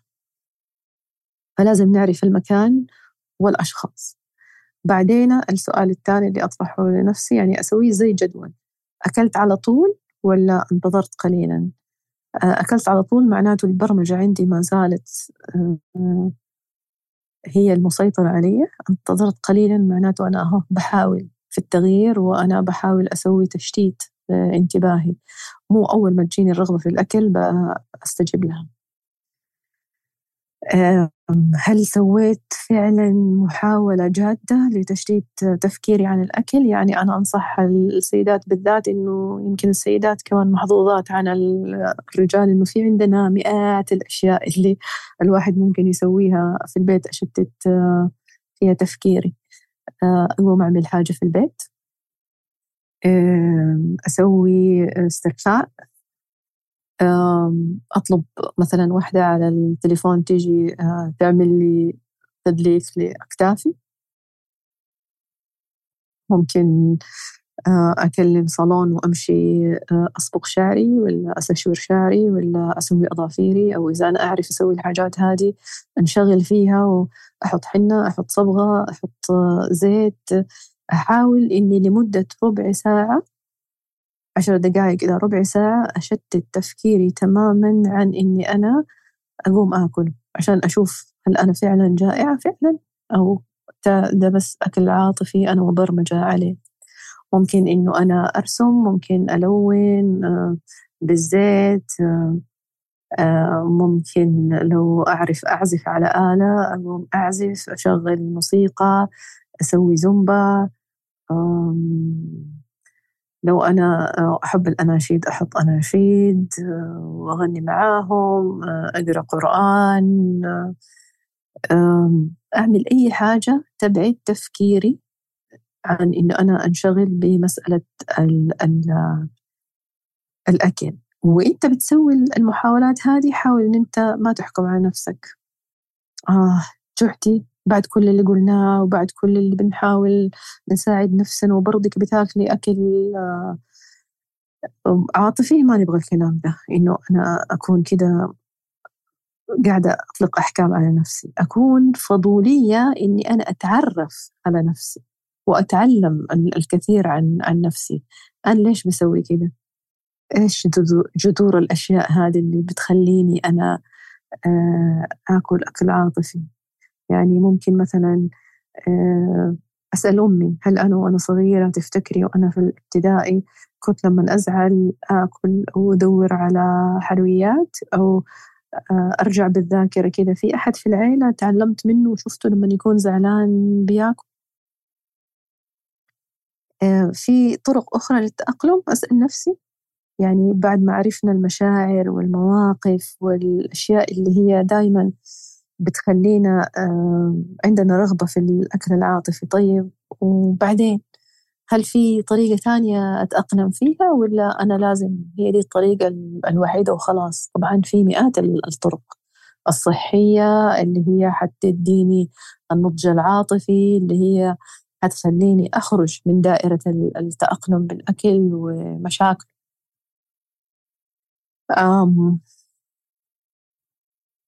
لو لاحظت إنه أنا دايما آكل وأنا تحت الضغوط معناته لازم أنتبه لذي الضغوط أحاول أبحث عن حلول مختلفة آه، وأحلها بعيدا عن الطعام. دحين خلاص أتكلم مع نفسي كده وأقول يا فلانة آه الآن عرفتي نفسك أكثر عرفتي إنه أكلك العاطفي بيتم لما تكوني تحت ضغوط. طيب في حلول مختلفة آه ثانية؟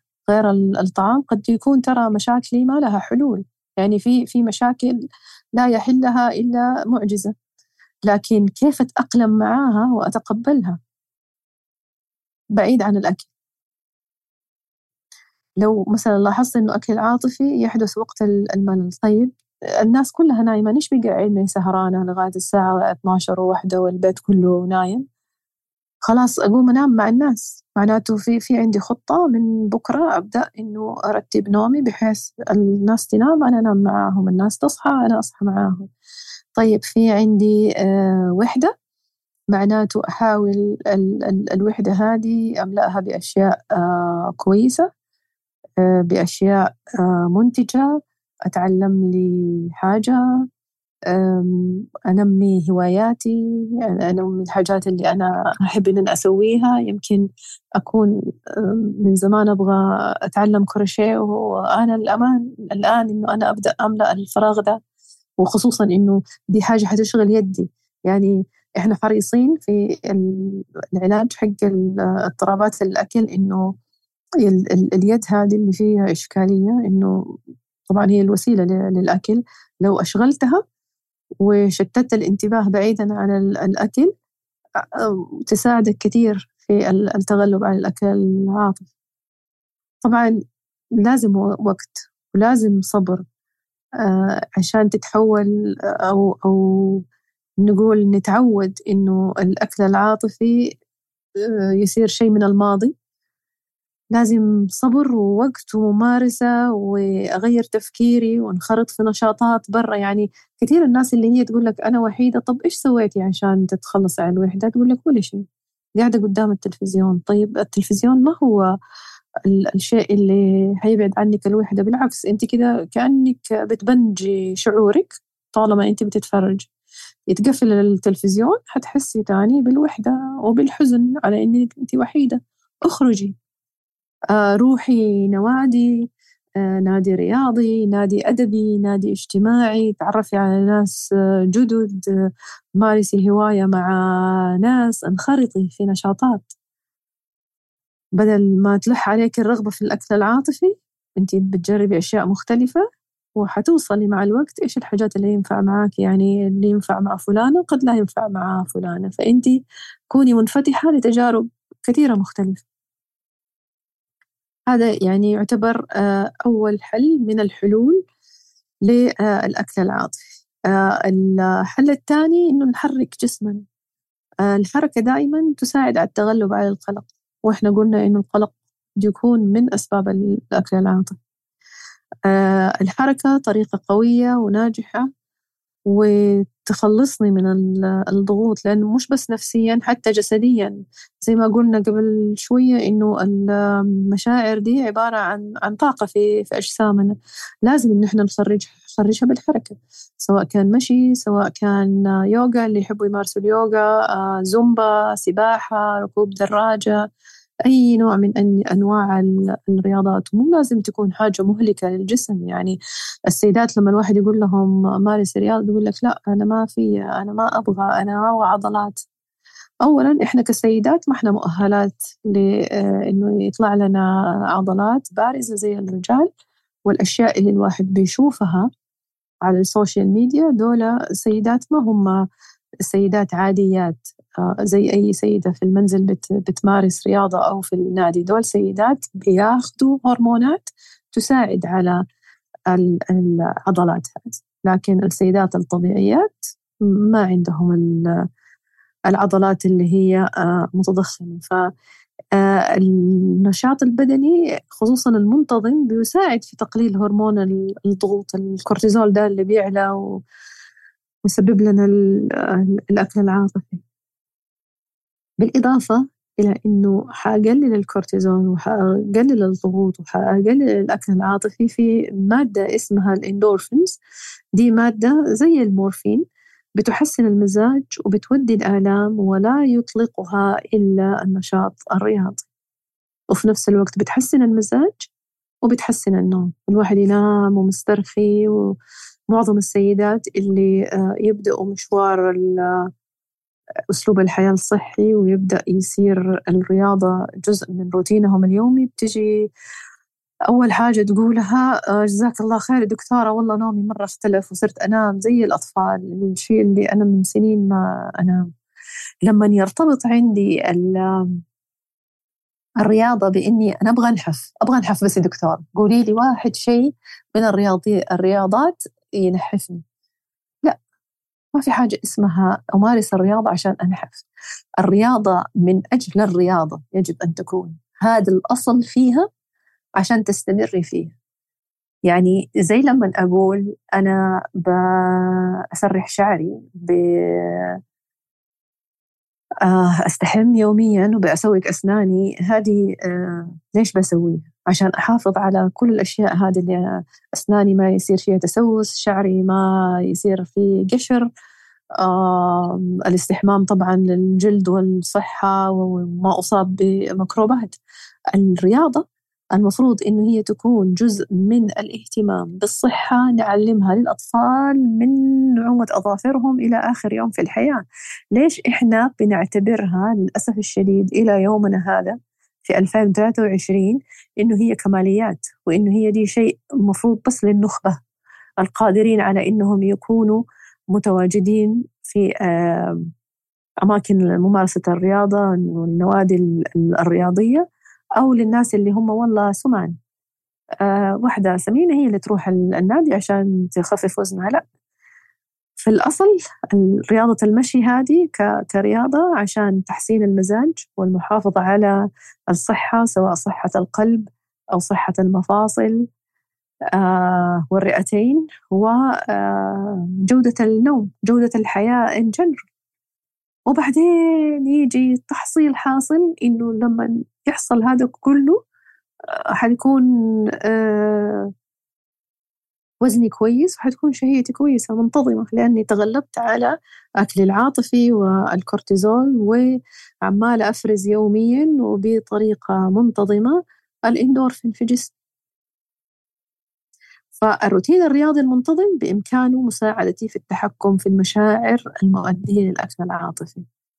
والنشاط البدني مو ضروري إنه يكون شديد وقاسي ممكن يكون مشي عادي إن شاء الله. حتى في بيتي عندي حوش صغير أمشي فيه عندي فوق سطوح أمشي فيه آه في عندي آه مثلا مشاية كهربائية وما عندي مشاكل في الركب آه أمشي عليها ولو أبدأ بعشر دقائق يوميا. أسوي تمارين مط للعضلات أسترخي. ويلاحظ الفرق في في مشاعرك بعده. بعدين أقولي إذا حتستمري أم لا لكن ما تقولي لأ صعب أو ما أبغى أو ما أقدر أو جربت وجاتني إصابات أو ما حبيت. أعطي نفسك فرصة وإصبري.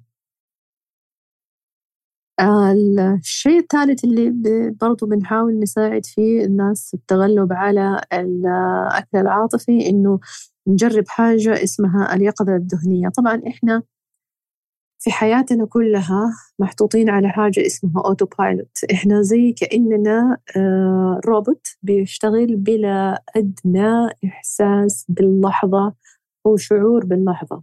وكمان جات علينا ال social media وكملت الباقي. آه أي شيء بنمارسه بنمارسه بطريقة كده آه أوتوماتيكية ما فيها إحساس بالشيء اللي أنا بسويه يعني آه، كل التجارب الدحين مؤخرا بيعملوها بيقولوا إنه في دور فعال مرة لليقظة الذهنية في السيطرة على الاكتئاب على القلق وبالتالي تقليل الأكل آه، تحت الضغوطات اللي هو حقنا الأكل العاطفي يعني إيش يقظة ذهنية؟ يعني تركيز وانتباه في اللحظة اللي أعيشها. يعني مثلا أنا الآن موجودة معاكم وفي نفس الوقت وأنا بأتكلم موجودة في في صالتي في هذه الكنبة مركزة ومنتبهة للشيء اللي أنا بأسويه في اللحظة هذه اللي أنا عايشتها. لو الواحد بيلاحظ انخفاض المزاج الضغوطات القلق هي محفزات أكله معناته اليقظة الذهنية ممكن تكون هي الوسيلة الكبرى المساعدة للتعافي. كيف أمارسها؟ بسيطة جدا وأي إنسان في أي مكان يقدر إنه هي تمارس. أجلس بصمت وأركز في تنفسي. أنا بتنفس بسرعة ولا بتنفس وأنا مسترخية؟ أبحث في جسدي عن مناطق التوتر وأسترخي. أنا أنا شخصيا كمنال لما أجلس أحيانا خصوصا لو بسوي حاجة يعني مهمة بكتب محاضرة بقرأ بأذاكر بحضر لجلسة من جلسات أحد مرضايا ممكن جلستي ما تكون كويسة ويبدأ جسمي يتوتر. فأحاول دائما إنه أنا أكون يعني يقظة لجسمي كيف قاعدة فين ظهري فين ساقاي ركبي عشان أسترخي وأرجع أتنفس كويس. بعدين أركز على المحيط حولي. آه، إيش الأشياء اللي أنا شايفتها؟ إيش الألوان اللي أنا شايفاها؟ آه، سامعة المكيف جاي من بعيد. أنا قاعدة في الصالة وفاتحة المكيف في الصالون. آه، أشم ريحة الشاي الأخضر اللي أنا قاعدة أشربه الآن. كيف ملمس الكوب وأنا قاعدة أشرب منه. كيف الطعم الشاي اللي أنا قاعدة أشربه. كيف في مرارة في حلاوة وأبدأ أسمي الأشياء اللي أنا قاعدة فيها. بكذا أكون يعني يقظة للإكسبيرينس اللي أنا بمر بيها. التجربة اللي, اللي أنا قاعدة أمر فيها كلها أنا متفتحة ويقظة ليها. ماني قاعدة وأنا يعني آه، كأني أوتوماتيك كده بتكلم من غير إحساس بكل الأشياء هذه اللي آه، حولي. آه، كل اللي إحنا قلناه هي دي بوابتنا للوصول إلى الأكل المسمى بالأكل اليقظ طريقة في الأكل تركز على المحفزات الداخلية لاتخاذ قرار الأكل. وبالتالي هي طريقة فعالة لتحسين علاقتي بالأكل. ليش؟ لأني أنا الآن قاعدة الشيء الطبيعي اللي ربنا خلقه هي المحفزات جوايا حقت الجوع. متى حآكل؟ لما يكون بطني فاضي بعد ثلاثة إلى أربع ساعات من آخر وجبة وبديت أحس بكل علامات الجوع. كده حتتحسن علاقتي بالأكل وأبعد عن إني أنا أجعله طريقة لتلبية آه، مشاعري إنه هي تهدأ. حيشجعني على التمهل والوعي. آه كيف شكل الأكل؟ مثلا أجيب الساندويتش اللي أنا حاكله say إنه عشاية همبرجر منظره جميل جدا مشهي. في double burger آكل اثنين. ما هحط فيهم آه جبنة. وأحب الجبنة هحط خس هحط طماطم. الريحة مرة جميلة مشوي وجاي كذا على الفحم. طعمه في منتهى الجمال ملمسه كذا وأنا شايلته بالخبزة أو حأكله من غير خبزة حأكله بس بالخس. راب آه صوت القرمشة وأنا قاعدة آكل. الله. آه أنا جيعانة ولي أربع ساعات ما أكلت بأمضغ بشويش إلى ما الأكل يصير آه سائل في فمي. وبعدين كل لقمة أنا قاعدة آه، أشوف الجوع كيف بيتحول من جوع إلى ثلاثة أربعة لقم خمسة ستة لقم وبعدين التوقف قبل الأكل ما بين اللقمة واللقمة الأخرى عشان أكتشف أنا إيش أبغى في دي اللحظة. آه، أحتاج الأكل؟ هل أنا جائعة لدرجة إن أنا أخلص كل الساندويتش ولا ممكن أكتفي بنص؟ لأنه والله الأكلة اللي قبلها كانت قبل ثلاثة أربع ساعات كانت مشبعة ويمكن كانت بروتين وما زلت ممتلئة ماني مية في المية جيعان والمفروض طبعا الواحد ما يوصل مية في المية أبدا لأنه مية في المية دي ممكن تدخل الواحد في انخفاض شديد في في السكر طيب إيش نوعية الأكل هذا؟ هذا بروتين وفي مع آه، خبز لو حاكله بخبز آه، أو بروتين وخضروات اللي هي الخس اللي هو في الفايبرز اللي هي الأشياء المشبعة الألياف ومع مخلل وريحته طيبة ممكن أضيف عليه شطة أو أضيف عليه أو أي حاجة أنا حابة أحطها كاتشب مستردة. طيب لو ما أحتاج الأكل؟ أنا ماني محتاجة الأكل أنا شبعانة واكتشفت إنه بعد ثلاث أربع قطمات أنا ماني جيعانة إيش الشيء اللي أحتاجه؟ إيش أحتاج؟ يمكن الخواء اللي عندي وحاسة إنه هو جوع ما هو خواء جوع. خواء حاجة تانية. هنا لازم أفكر نفسي إنه أنا أحتاج صبر وممارسة ووقت عشان أتعلم عن نفسي وأعرف أوصل إلى الأكل اليقظ. يعني أبغى أحصل على كفايتي من الأكل لكن ما أوصل للتخمة وما أوصل للأكل العاطفي اللي ما له لازمة. وفي نفس الوقت لو أنا جيعانة آكل ما أحرم نفسي من الأكل. في كثير من الناس يقول لك دكتورة أنا أكلت أكل عاطفي. طب متى كان آخر وجبة؟ لا والله كانت آخر وجبة قبل أربع خمس ساعات. طب كيف أكل عاطفي؟ إحنا قلنا الأكل العاطفي لما تكون شبعان. الأكل العاطفي لما يكون عاطفتك هي اللي دفعتك للأكل لكن لما تحس بجوع بعد أربع خمس ساعات هذا ما هو أكل عاطفي. أدمغتنا الله سبحانه وتعالى يعني خلقها مبرمجة على التأكد إنه نحن بناكل كفاية أثناء اليوم لكن ال ال حتلاحظ إنه أنت بتصاب بنوبات اشتياق لأكل معين أبغى آيس كريم والآن ما حقدر أنام إلا لو أكلت ثلاثة أربع سكوبس حقت آيس كريم بشوكولاتة ليش؟ اليوم هذا أنا نسيت آكل فيه. كان عندي عيادة طويلة من الصباح سبعة ونص إلى الساعة خمسة ونص العصر. أنا مشيتها شاهي وقهوة وكابتشينو وماتشا وموية and that's it ما أكلت ولا شيء. فبالتالي حيكون في عندي اشتياق لحاجة سعراتها حرارية عالية يا إما الآيس كريم يا إما الشوكولاتة يا إما بيتزا. ففي اليوم اللي حتكون فيه نسيت تاكل أو ما أكلت لوقت طويل أو قللت أكلك ولما أكلت أكلت حاجات كده عينات حتلاقي نفسك يجيك الاشتياق الهائل للأكل اللي هو يسموه ال comfort food أو الأكل العاطفي. لما آكل بروتين أثناء النهار بحيث إنه تكون نسبته 30% من احتياجي اليومي. ده حيعطيني إحساس بالشبع والرضا لفترات طويلة. يعني دائما أقول للناس آه، في كذا شوية آه، خدع وتريكس كذا الواحد يسويها على نفسه في الأكل آه، بمنتهى الذكاء وجسمك حيستجيب.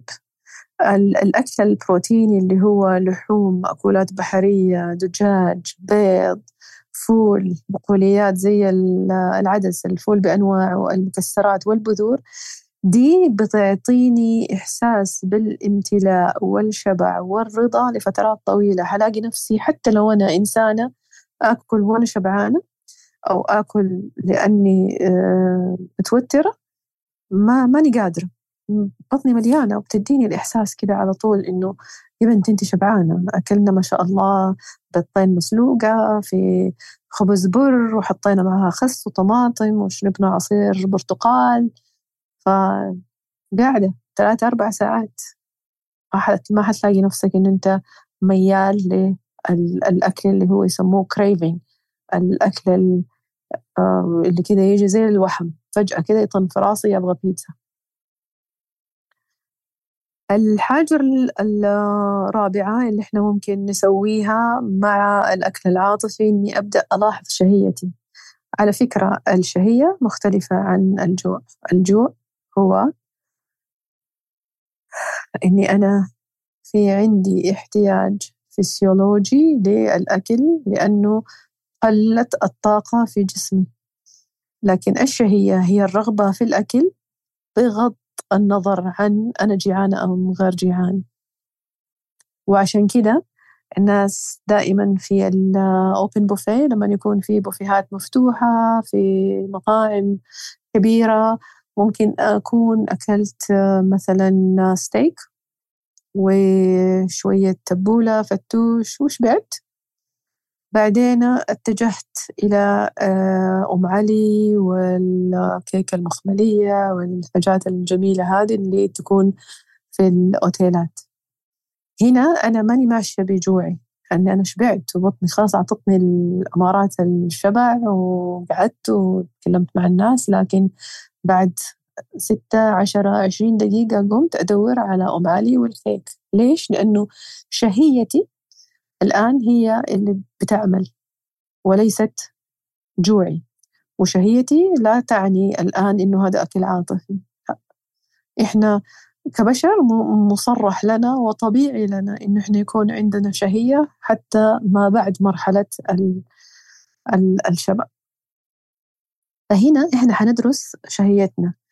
في حال إحنا كنا مدمنين حميات ومعظم حياتنا قضيناها في التنقل ما بين الحميات المختلفة القاسية وفي الغالب حيكون من الصعب علي ملاحظة آه، أمارات الجوع أو الشبع لأنه أنا يا إما في حالة آه، تجويع شديد يا إما في حالة آه، لخبطة يعني دائما الناس إلا من رحم ربي إلا من رحم ربي دول قليلين جدا للأسف في المجتمع العيادة. يعني في المجتمع العادي أنا ما أقدر أحكم.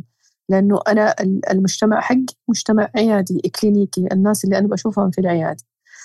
الناس اللي بتيجي في العيادة بيقول لك يا إما أنا ماشي على حميات قاسية جدا يا إما أنا فارطها يعني بالمثل البلدي حقنا يا أطخ يا أكسر مخ.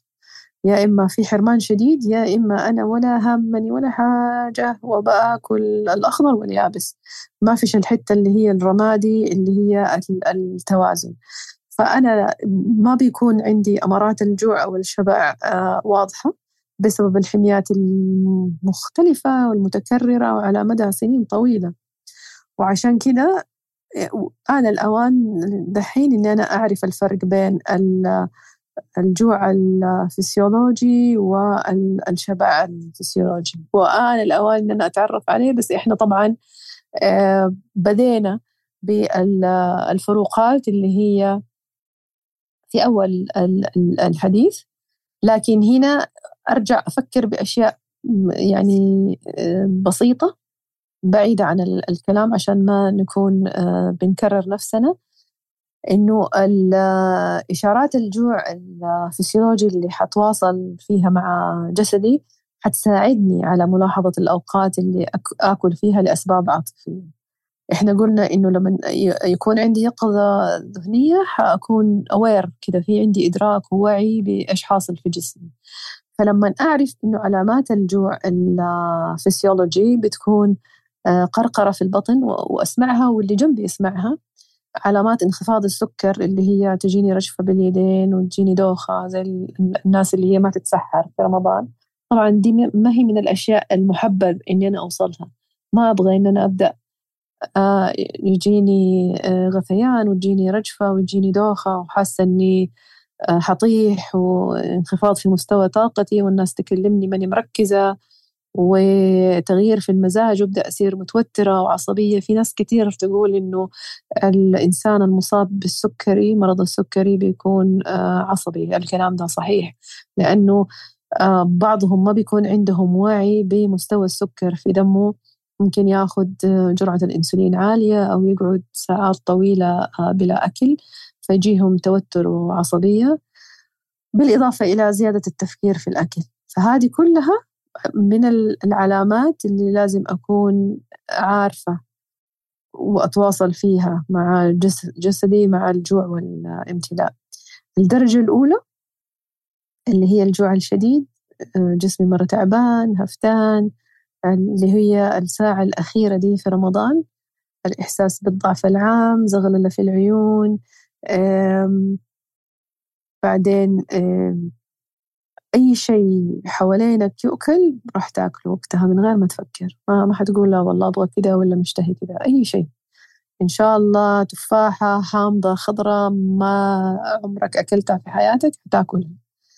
الدرجة العاشرة هي عبارة عن التخمة بعد العشاء حق العيدين. يعني أكيد كلنا مرينا بالمرحلة هذه حق إنه تكون معزوم وتتعشى هنا وبعدين ربع بطن ترجع تتعشى في مكان تاني عشان لا يزعلوا ربع البطن الثانية بعدين آه، نوصل للامتلاء اللي هو مع تخمة لأنه كمان في حلا وشاهي بعد العشاء. ما نبغى نوصل لا للدرجة الأولى ولا للدرجة العاشرة. نبغى نكون في المنتصف. يعني لو الواحد أكل في الدرجة الخامسة من الجوع ووصل للامتلاء والشبع في الدرجة الثامنة أو التاسعة هو ده يكون أفضل. بعدين لازم الواحد يتعود إنه هو كل ثلاثة أربع ساعات آه، أختبر درجة جوعي. في ناس تجي تقول لي دكتورة طيب أنا بعد ثلاثة أربع ساعات ما حسيت بالجوع وما أبغى سناك وأحس إنه السناك مرة تقيل على قلبي يا سيدي. لا تاكل. ما في مشكلة. ما السناك لو حسيت إنه أنت شبعان وراضي وما عندك درجة جوع وما وصلت لدرجة الهفتان معناته ما أنت ملزم إن أنت تاكل. أتعرف على طبيعة جوعك وامتلاءك وتوقف عندهم. ومع الوقت والممارسة والصبر حتلاحظ أولى درجات الجوع متى بتحصل عندك. وحت هي نفسها حتساعدك على ملاحظة الوقت اللي تشعر فيه بالرغبة في الأكل حتى في غياب الجوع الفسيولوجي الحقيقي فيصير إحنا هنا ضربنا عصفورين بحجر. أنا أعرف آه، آه، متى أنا جيعان وأعرف متى جوعي ده ولا عاطفي يعني حتصير كده بالفطرة. ما عاد حتصير مبرمج البرمجة الغير صحية اللي انت تبرمجتها مثلا من صغرك حتنفك لأن انت خلاص صار عندك إحساس بالمعدة هذه. متى جيعانة ومتى والله ماني جيعان والسناك ما هو وقته حأخره أو حأخليه وجبة خلاص في العشاء لما أروح البيت. في أوقات الحزن القلق آه، الإحباط الوحدة تجنب إن أنت تعزل نفسك عن الناس. لأنه صعب تكون لوحدك بلا دعم في دي الأوقات. الأوقات دي تكون أوقات مرة خطرة. أنت مرة vulnerable مرة آه، هش وإمكانية حدوث الأكل العاطفي في دي الوقت. يعني خلاص درست نفسك. ما المفروض إن أنت تكون فيها منعزل. وزي ما قلنا في أول اللقاء إنه نتواصل مع الناس. مكالمة سريعة مع أحد أفراد العائلة أو الأصدقاء أو الزملاء وحتى من غير ما أتكلم عن الأكل العاطفي أو إن أنا بمر بنوبة. ممكن هي ترفع معنوياتي نضحك سوا نتكلم سوا أو إذا عندك الرغبة وهو يعرف يقول الكلام المناسب. ما فيش مانع إن أنت تقول والله أنا مارر بنوبة أكل عاطفي وأبغى أحد يشتت انتباهي. طبعا حيكون في لها تيسير آه، تأثير إيجابي على المزاج على الراحة النفسية وزي ما بتأكد كل الدراسات إنه الدعم الاجتماعي يساعد المصاب بالأكل العاطفي على التغييرات الصحية في طريقة الأكل اللازمة للتعافي. يعني تخيل الأكل العاطفي زيه زي في ال anorexia اللي إحنا دائما بنحث المصابة فيها إنه لما تجيك النوبة حقت إن أنت ما أبغى آكل الآن أبغى العشاء هذا أحذفه أبغى المجموعة دي من الأكل ما أكلها. أبغى أروح آه، أمارس رياضة عنيفة لأن اليوم أكلت آه، نص ساندويتش كامل وأنا ماني والفة من سنين إن آكل نص ساندويتش. زيها زي الأكل العاطفي. الدعم من إني أنا أتكلم مع أحد سواء إني أبغاه يقول لي حاجة تشتت انتباهي وأفرغ له كل ما في صدري أو ما أبغى إنه يعرف إنه أنا بأمر بهذا الشيء بس أبغاه يساعدني لأنه إنسان قريب إلى قلبي يعرف يضحكني يعرف يدعمني. لقوا الدراسات إنه في طريق البني آدم للتعافي من الأكل العاطفي مرة مرة تساعده على إنه التغييرات الصحية دي تصير جزء من حياته. الأكل الزائد يحتمل إنه هو يكون أكل عاطفي يحتمل إنه هو يكون آه الأكل القهري آه يحتمل إنه هو يكون وصل لل eating disorder الواحد لو يبدأ يفكر في الانضمام لمجموعات الدعم الأونلاين أنا ما أدري عندنا في الشرق الأوسط قديش موجودة. أتمنى إنه في أحد يقول لنا لو يعني من الناس المهتمين. وقتها برضو إن أنا أتحدث مع معالج نفسي متخصص. هنا في عندي وقفة. لو سمحت لي يا أستاذي شوية في مسألة التحدث لمعالج نفسي.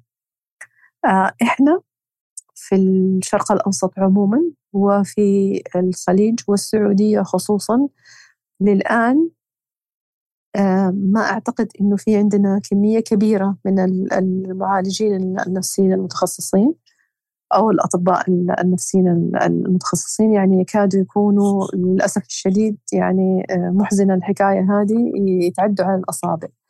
فلو في أحد من الزملاء سواء كان أطباء نفسيين أو أخصائيين نفسيين عنده الرغبة في مساعدة آه الإنسان المصاب بإضطرابات الأكل آه بس أحتاج منهم واحد شيء إنه الرغبة لوحدها ليست كافية للمساعدة. لأنه أهل المرضى نفسهم اللي هم يمكن أكثر الناس آه حبا واهتماما بأهاليهم عندهم برضو نفس الرغبة. لكنهم لا يملكوا الملكات. وإحنا برضو كأطباء أو آه، مهنيين أو متخصصين آه، نفسيين أو معالجين أو حتى آه، الأخصائي الاجتماعي برضو والتمريض ممكن إن هم يقوموا بدور المعالج النفسي في اضطرابات الأكل. إن لم أتلقى وأكرر وأحط تحتها عشرة أسطر إن لم أتلقى التدريب المهني على أيدي آه، ناس متخصصة ب يعني آه، دراسة وممارسة ستة شهور ثمانية شهور سنة سنتين فالأفضل إني أنا أمتنع وأقول أنا ما أعرف. لأنه حتى لو رجعت لأحد بيشتغل الشغل هذا أو التخصص هذا ليس كافي. أنت محتاج أن أنت تكون مع متخصص في عيادته يوميا ستة ثمانية شهور بتقرأ وبتدرس الحالات وبتشوف وبتمارس مع المتخصص ولوحدك. لكن إنه أنا أقول والله أنا سمعت فلان الفلاني من الناس متخصص اضطرابات أكل قال أو سوى هذا آه، للأسف الشديد قد يكون مؤذي ل يعني مهنيتك ولعملك ولسمعتك وفي نفس الوقت للمريض. لأنه أسمع أشياء آه، كثير مزعجة ممكن تكون آه، سيئة للمريض وفي أول حاجة تقالت لي في مقابلتي مع البروفيسور اللي آه، تخصصت على يده إنه كوني حذرة لما تقولي آه، دائما الجئي لأحد من المعالجين. طبعا إحنا كان هناك الطاقم كله آه، أخذ دورات سواء كان social worker ال psychologist أخصائي التغذية. ما فيش أحد بيتكلم من عنده أو من تجربته الشخصية. كانوا بي بي بيروحوا يعملوا دورات بالأسابيع بالشهور ياخذوا عليها آه، ساعات وياخذوا عليها شهادات. فإن لم تكن آه، إنسان ممارس الأفضل إنه أنت تقول آه، أنا آسف ما أقدر أساعدك أشوف لك أحد يساعدك. لأنه كلام زي إنه والله أنت مؤشر كتلة الجسم عندك آه، كويسة ولا تعتبري عندك اضطرابات أكل هذا كلام غير سليم وغير علمي لأنه الكثير من المصابين باضطرابات الأكل والأكل المضطرب البي إم آي حقهم بيكون طبيعي. أنا لما أشخص الأنوركسيا مش بس بأشخص إنسان تحت العشرين في مؤشر كتلة الجسم بأشخص قد إيش بياكل من حياته اضطراب الأكل ده. لما تكون عندي إنسانة وزنها في الحدود المعقولة لطولها ومؤشر كتلة الجسم عندها 19 أو 19 ونص أو 20 لكنها ما بتأكل إلا آه، عصير خضروات في الصباح بعدين عصير آه، فاكهة في المساء بعدين علبة زبادي في الليل. هذه كيف أقول لها؟ أنت ما عندك أنوركسيا وأنت مؤشر كتلة الجسم عندك طبيعي. ما أقدر. أو آه، أقول لها والله أنا مهما قلت من كلام أنت برضك ما حتأكلي. فأنا ما راح أغصبك على الأكل. لا معليش. هي جاية عشان تتعالج. أهلها جايبينها عشان تتعالج. هي وصلت لمراحل قد تموت فيها من الآثار الجانبية للتجويع. كيف أقول لها ما ما حقدر أغصبك ما أقدر أغصبك على العلاج. أيوة لكن لازم تنغصب على الأكل. والغصب على الأكل لا يعني إنه أنا أتنمر عليها وأقول لها الناس في أفريقيا ما هي لاقية آه، تاكل وجيعانين وأنت قاعدة تتبطري على الأكل أو بتاكلي كل الكميات هذه من الأكل وبعدين تستفرغيه هذا غير جائز قانونا أبدا في في علاج الناس هذه أو حرام عليكي أمك واقفة بالساعات تطبخ لك وأنت في الآخر بطرانة ما بتاكلي ولا حاجة. يا شيخة كلي حرام عليك وخلصينا. هي كلها قطمتين اللي بنطلب منك تاكل. ما يصح أبدا الكلام هذا في آه، علاج مرضى آه، اضطرابات الأكل. آه، العلاج السلوكي المعرفي اللي هو cognitive behavioral therapy بنحاول فيه مع المريض إنه هو أو مع المصاب عفوا بالأكل العاطفي إنه هو يجدول الوجبات. بنعمل سلوكيات واستراتيجيات الأكل المنتظم والأكل في أوقات معينة مخطط لها. بحيث أن الجدولة دي بتخليه يساعد نفسه في كبح جماح الأكل العاطفي. زي ما التريك هذه الخدعة حقت الأكل البروتين اللي يعطينا إشباع لفترات طويلة جدولة الأكل حيخليه عنده وعي بالإحساس بالامتلاء مع انتظام الوجبات. هذا مو واحد حياكل وجبة واحدة ويفضل طول اليوم شاهي وقهوة وبسكوت وحلويات. لا ده بني آدم بياكل بطريقة فيها أسلوب آه، صحي. لما تجدول وجباتك حتلاقي نفسك إنه على طول أنت موجود في الحالة المتوازنة. اللي هو عندي جدول بمشي عليه. طبعا جدول مو ما بتكلم عن جدول حاجة مرة جامدة وأحطها على الثلاجة زي ما بيعملوا في الحميات. لا أنا أقصد فيها إنه أعرف أنا متى أفطر متى أتغدى متى أتعشى آه، أخذ أكلي معايا إذا أنا رايحة عيادتي رايحة الجامعة رايحة الدوام أو أنا ربة منزل في البيت. في في جدولة ومعروف أنا آه، متى حآكل بالطريقة هذه حأضمن إنه أنا بنوع في طعامي. ما فيش حاجة ممنوعة ما فيش حاجة محرومة ما في حاجة no no taboo ونعمل عليها cross ما فيش. في تنوع في جودة في آه، تقليل لنسبة حدوث الأكل العاطفي وبالتالي لو الأكل العاطفي متسبب في حدوث السمنة حتقل نسبة حدوث السمنة عنده. في واحدة من التقنيات اللي آه، نستعملها في العلاج السلوكي المعرفي إنه أوقف التشتت وقت الأكل. وهنا فرصتي للتحدث للأمهات الفاضلات الله يرضى عليكم. بلاش نحط آيباد لطفل عمره سنة وسنتين وثلاثة سنين ونقول والله عشان ياكل. ما بعرف أكله إلا لما يتفرج على كرتون. بلاش. خلي الطفل يتعلم من نعومة أظافره إنه آكل وكل انتباهي وقت الوجبة في الأكل. في في حاجات جميلة جدا موجودة على آه، تيك توك لأمهات لطيفات كذا يصوروا أطفالهم حاطينهم في الكرسي آه، حاطين لهم الوجبة. الطفل لسه في عمر السنة تقريبا هو يسموه تادلر بياكل بالملعقة ملخبط وجهه ملخبط آه، يده والطاولة اللي هو قاعد عليها ويمكن بيأكل حتى من الطاولة مو من الطبق.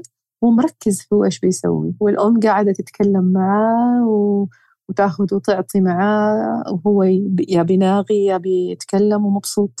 ما فيش تلفزيون مفتوح ما فيش social media ما فيش ألعاب إلكترونية قدام.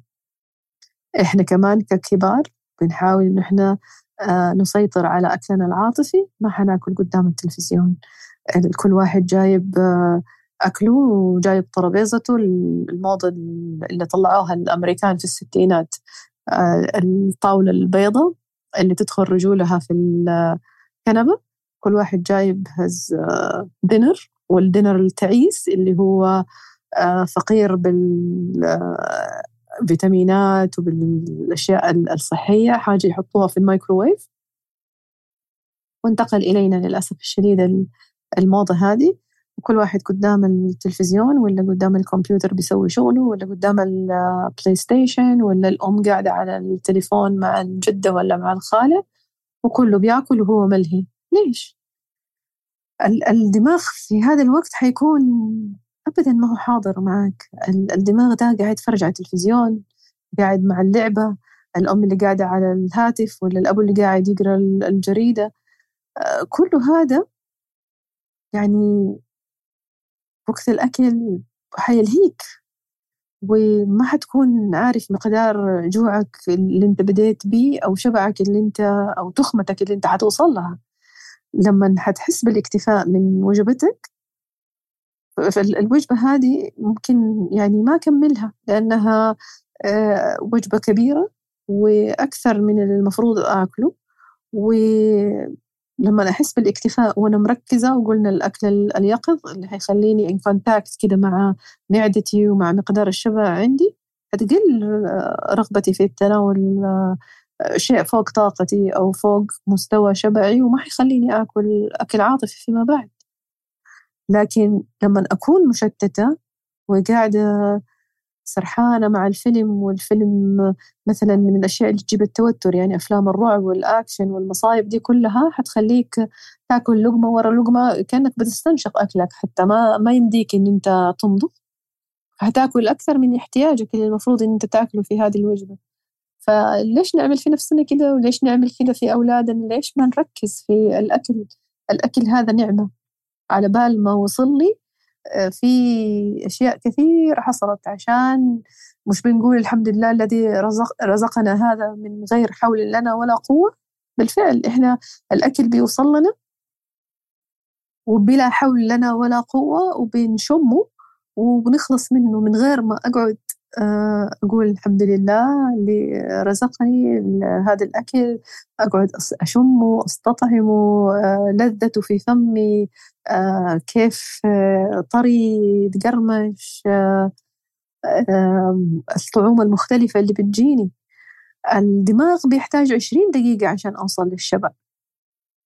في حال إنه أنا أكلت بسرعة حاكل أكثر من احتياجي لأني ما اديت فرصة لل كونكشن أو التواصل ما بين معدتي وإفراز الهرمونات اللي تقول للدماغ خلاص شكرا ترى إحنا أخذنا احتياجنا توقف.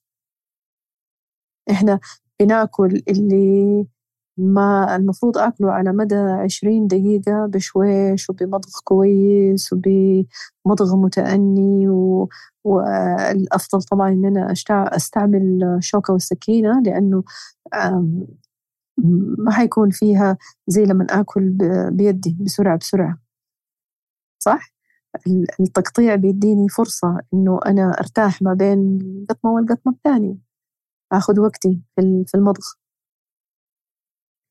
فكل ما أعطيت نفسي فرصة إن أنا آكل وأمضغ آه، بشويش كل ما أعطيت فرصة لمعدتي إنه هي تتواصل مع دماغي وتقول توقف. خلاص. يصير آه، وقف التشتت يتوقف الأكل. العاطفي اللي ما له داعي الزائد عن عن حد. في حاجة تانية لازم نعملها في طريق تعافينا للأكل آه، العاطفي. اسمها ال positive self talk اللي هو الحديث الإيجابي مع النفس. لقوا في الدراسات إنه الحديث الإيجابي مع النفس والمتعاطف دائما يؤدوا لتحسين الأكل وجعله أكثر صحية آه، نكتب الأفكار السلبية في حديثنا مع نفسنا. في الغالب أحاديثنا مع نفسنا بتكون لها جذور في الطفولة. آه، نادرا ما ما حنلاقي يعني لها جذور في الطفولة. الناس اللي هم في عندهم سمات الشخصية الوسواسية القهرية هذول هم بنفسهم يعملوا لنفسهم الأفكار السلبية. لكن في الغالب بتكون جاية من أحاديث الأهل معانا وإحنا أخذنا كلامهم في عقلنا وصار مترسب كأفكار سلبية في حديثي مع نفسي. لازم نتذكر دائما إنه مو ليس عليك تصديق كل ما يقوله عقلك. أحيانا الكلام اللي هو بيقوله ما هو كلام حقيقي. فبالتالي ممكن يكون خرافة تماما. بعدين زي ما سبق قلنا لازم يكون في عندي فضول عشان أتعرف على مصدر دي الأفكار من فين جاتني؟ أنا مصدرها ولا أهلي ولا أحد في المدرسة ولا أحد من الأصدقاء الزملاء؟ آه، الوعي بكل الأفكار السلبية حيخليني أبدأ بالعمل على تغييرها. عشان كده قلنا في الأول إنه بلاش الواحد يقعد يأنب في نفسه ويصدر الأحكام على نفسه بعد ممارسة الأكل العاطفي. آه نبدأ نكتب ملاحظات عن كيفية العمل. لتغيير هذه الأفكار. واحدة من الاستراتيجيات اللي أنا مارسها في العيادة دائما وبتجيب نتائج جميلة مع الناس إنه فكر لو إنك بتتحدث لصديق عزيز عليك أو ابنك أو أحد أحبتك أو أهلك أو أيا من الناس القريبة إلى قلبك لو تبغى إنه هو إن يغير الأفكار هذه لما يقول لك والله الفكرة بتقول لي يا الله إيش هذا؟ إيش القرف ده؟ ليش بتأكل بالطريقة الحيوانية هذه؟ إيش كذا؟ عمرك في حياتك ما هتتكلم مع ابنك الصغير أو زوجة أو زوج أو صديق مقرب بهذه الطريقة هتتكلم بطريقة جميلة فيها حب فيها رحمة فيها لطافة فيها مفردات جيدة. اكتب المفردات دي اللي حتستعملها مع الصديق واستعملها مع نفسك في كل مرة أنت بتيجي الأفكار السلبية في حديث مثلا أنا تجيني فكرة آه، سلبية في حديثي مع نفسي يا الله أنت إنسانة غير متقنة لعملك يا شيخة الشيء دائما تسويه نص نص. هذه فكرة سلبية.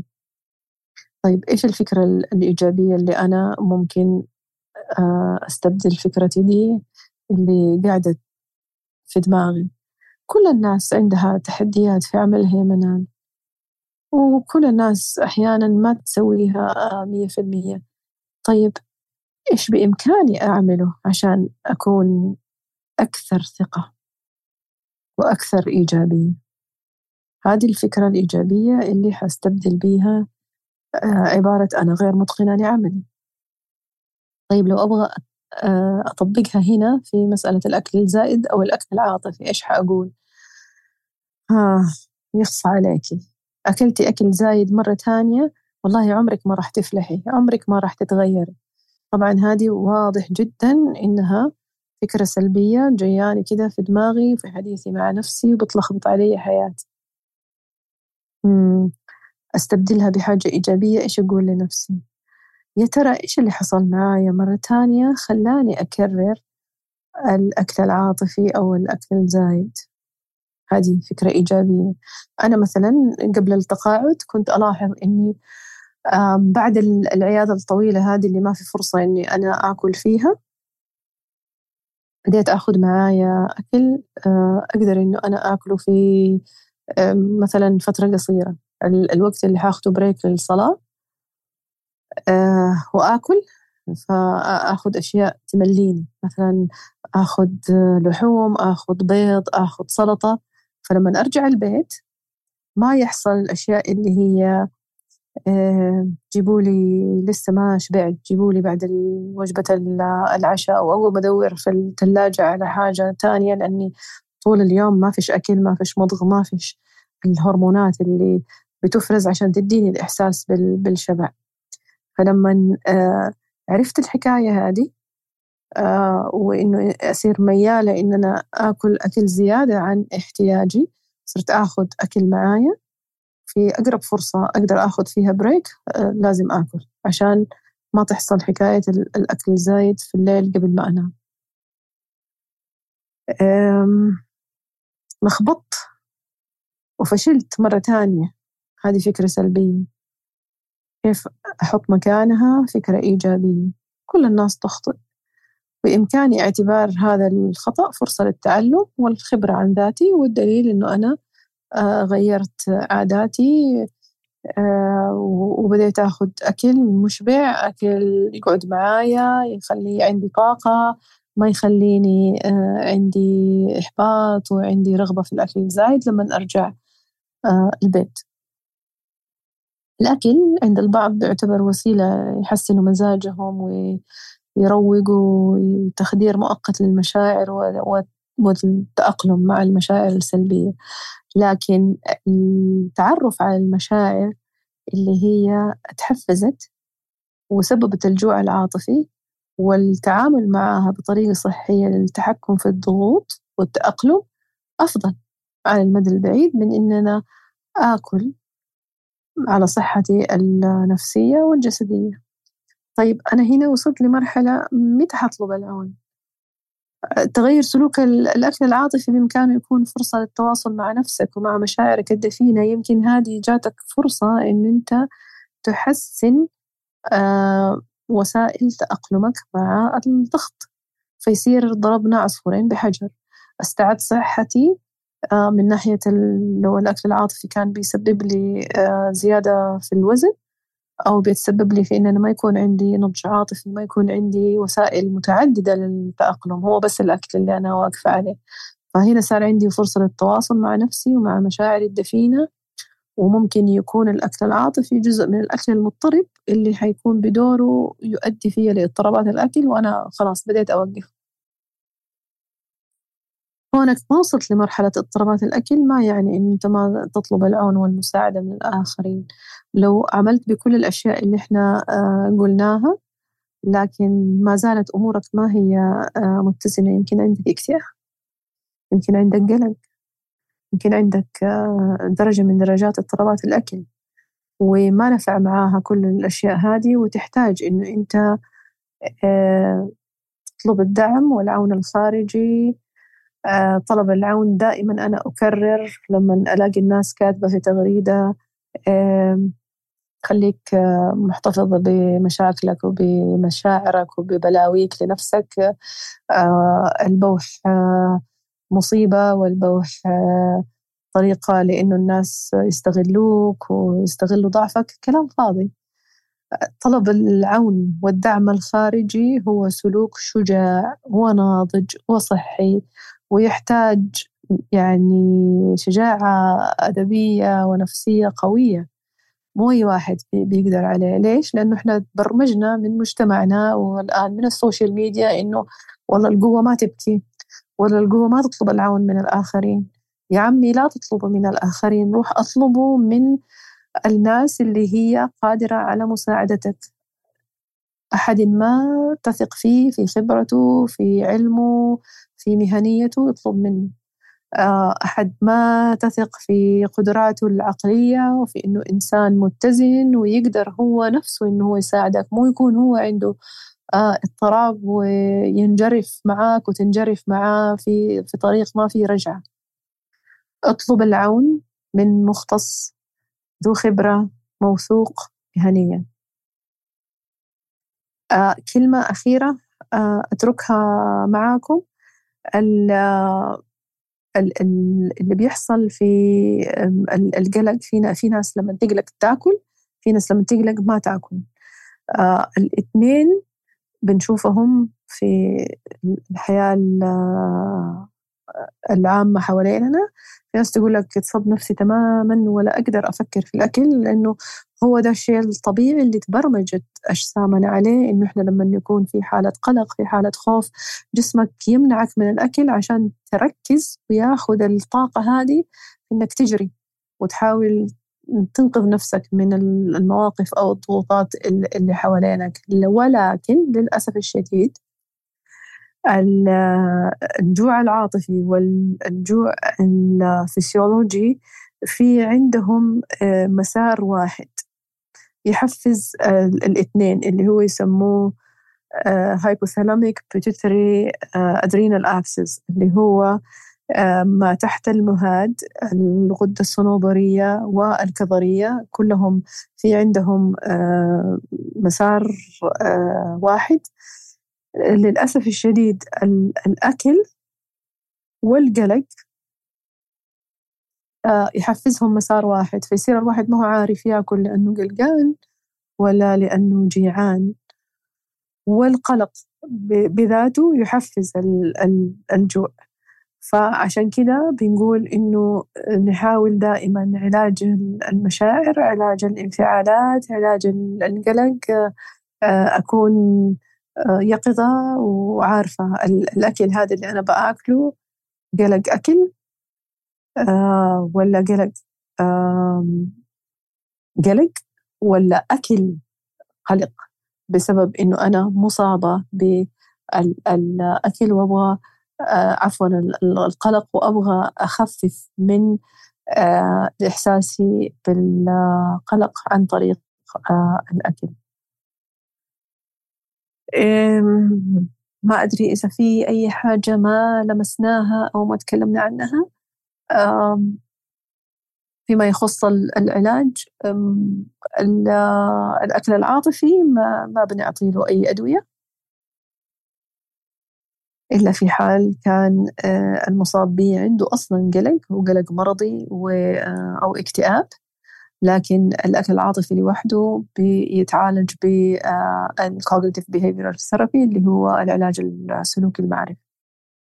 وصلنا للفكرة الأساسية والهدف اللي إحنا نبغى نوصل له.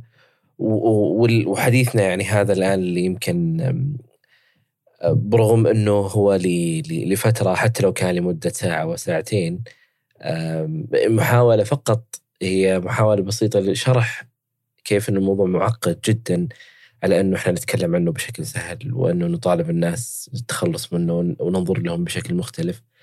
فأتمنى أنه آه، بنهاية هذه الحلقة آه، أن الصورة تكون وصلت آه، للأشخاص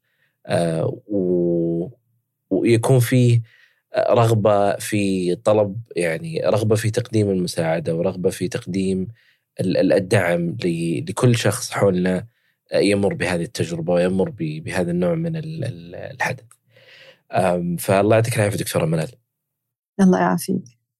شكرا لك شكرا لوقتك. العفو دواعي سروري دائما أستاذي الفاضل. إذا كان فيه مراجع أو شيء تعتقدين إنها ممكن يعني تفيد المستمعين كتب أو غيره ممكن تزوديني فيها ونضيفها في وصف الحلقة بروابط بإمكان الناس يوصلون لها بشكل سهل حاضر بشر حاضر. الله يعطيك العافية مرة ثانية. في شيء حابة تقولينه قبل ما نخلص؟ الله يعافيك. أه بس حكاية ال ال ال اليومين دول آه، باربي حينزل الفيلم بكرة أعتقد. وعاملين آه، بمناسبة باربي آه، في النوادي فعاليات. أبغى بس أنوه إنه لا بأس بدا الشيء. طبعا كلنا نحب الرياضة ونحب ال ال الأشياء هذه لكن ما نبغى نربط الرياضة بشكل باربي. لأنها حاجة مخيفة. باربي ما هي الشكل المثالي ولا الشكل اللي المفروض يكونوا عليه السيدات أو البنات ولا هو ده غايتنا. ورجاء يعني الناس اللي على طول بيتكلموا عن الأوزان وعن الأشكال يخففوا الكلام هذا.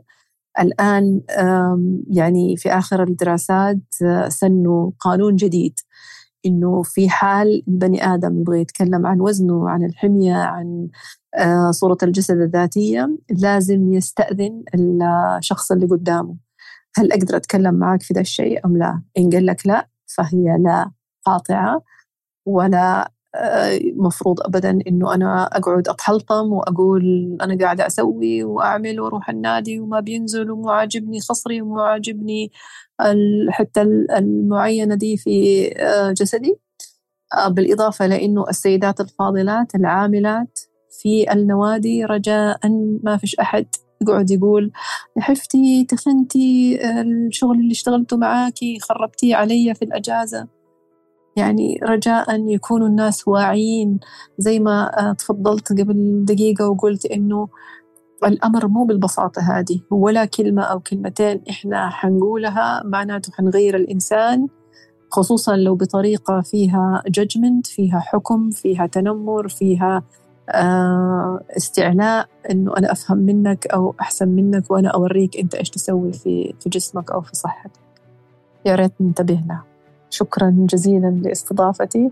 يعني آه، أنا جدا سعيدة بالمناسبة هذه إنه نتكلم ونوعي الناس. آه، في نفس الوقت ما أبغى إنه الناس يشخصوا نفسهم ولا يشخصوا الآخرين ولا يشتغلوا على إنه نقعد نشخص في الناس وده عنده اضطرابات أكل وده عنده أكل مضطرب. كلوا وأشربوا ولا تسرفوا كلوا بالعافية. وبلاش إحساس بالذنب. الله يديك العافية. الله يعافيك. شكرا لك شكرا لك شكرا لك. هلا في أمان الله.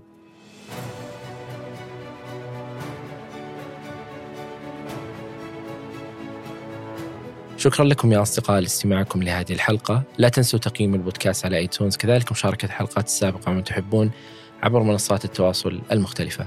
أي شخص حاب يشارك تجربته معنا هنا البودكاست أتمنى منك أنك تتواصل معي على العنوان البريدي وهو أسامة at وجدان دوت كوم كل شيء ذكرناه في هذه الحلقة تجدونه في وصف هذه الحلقة وشكرا لكم. أنا أسامة بن جيفان وكنتم مع وجدان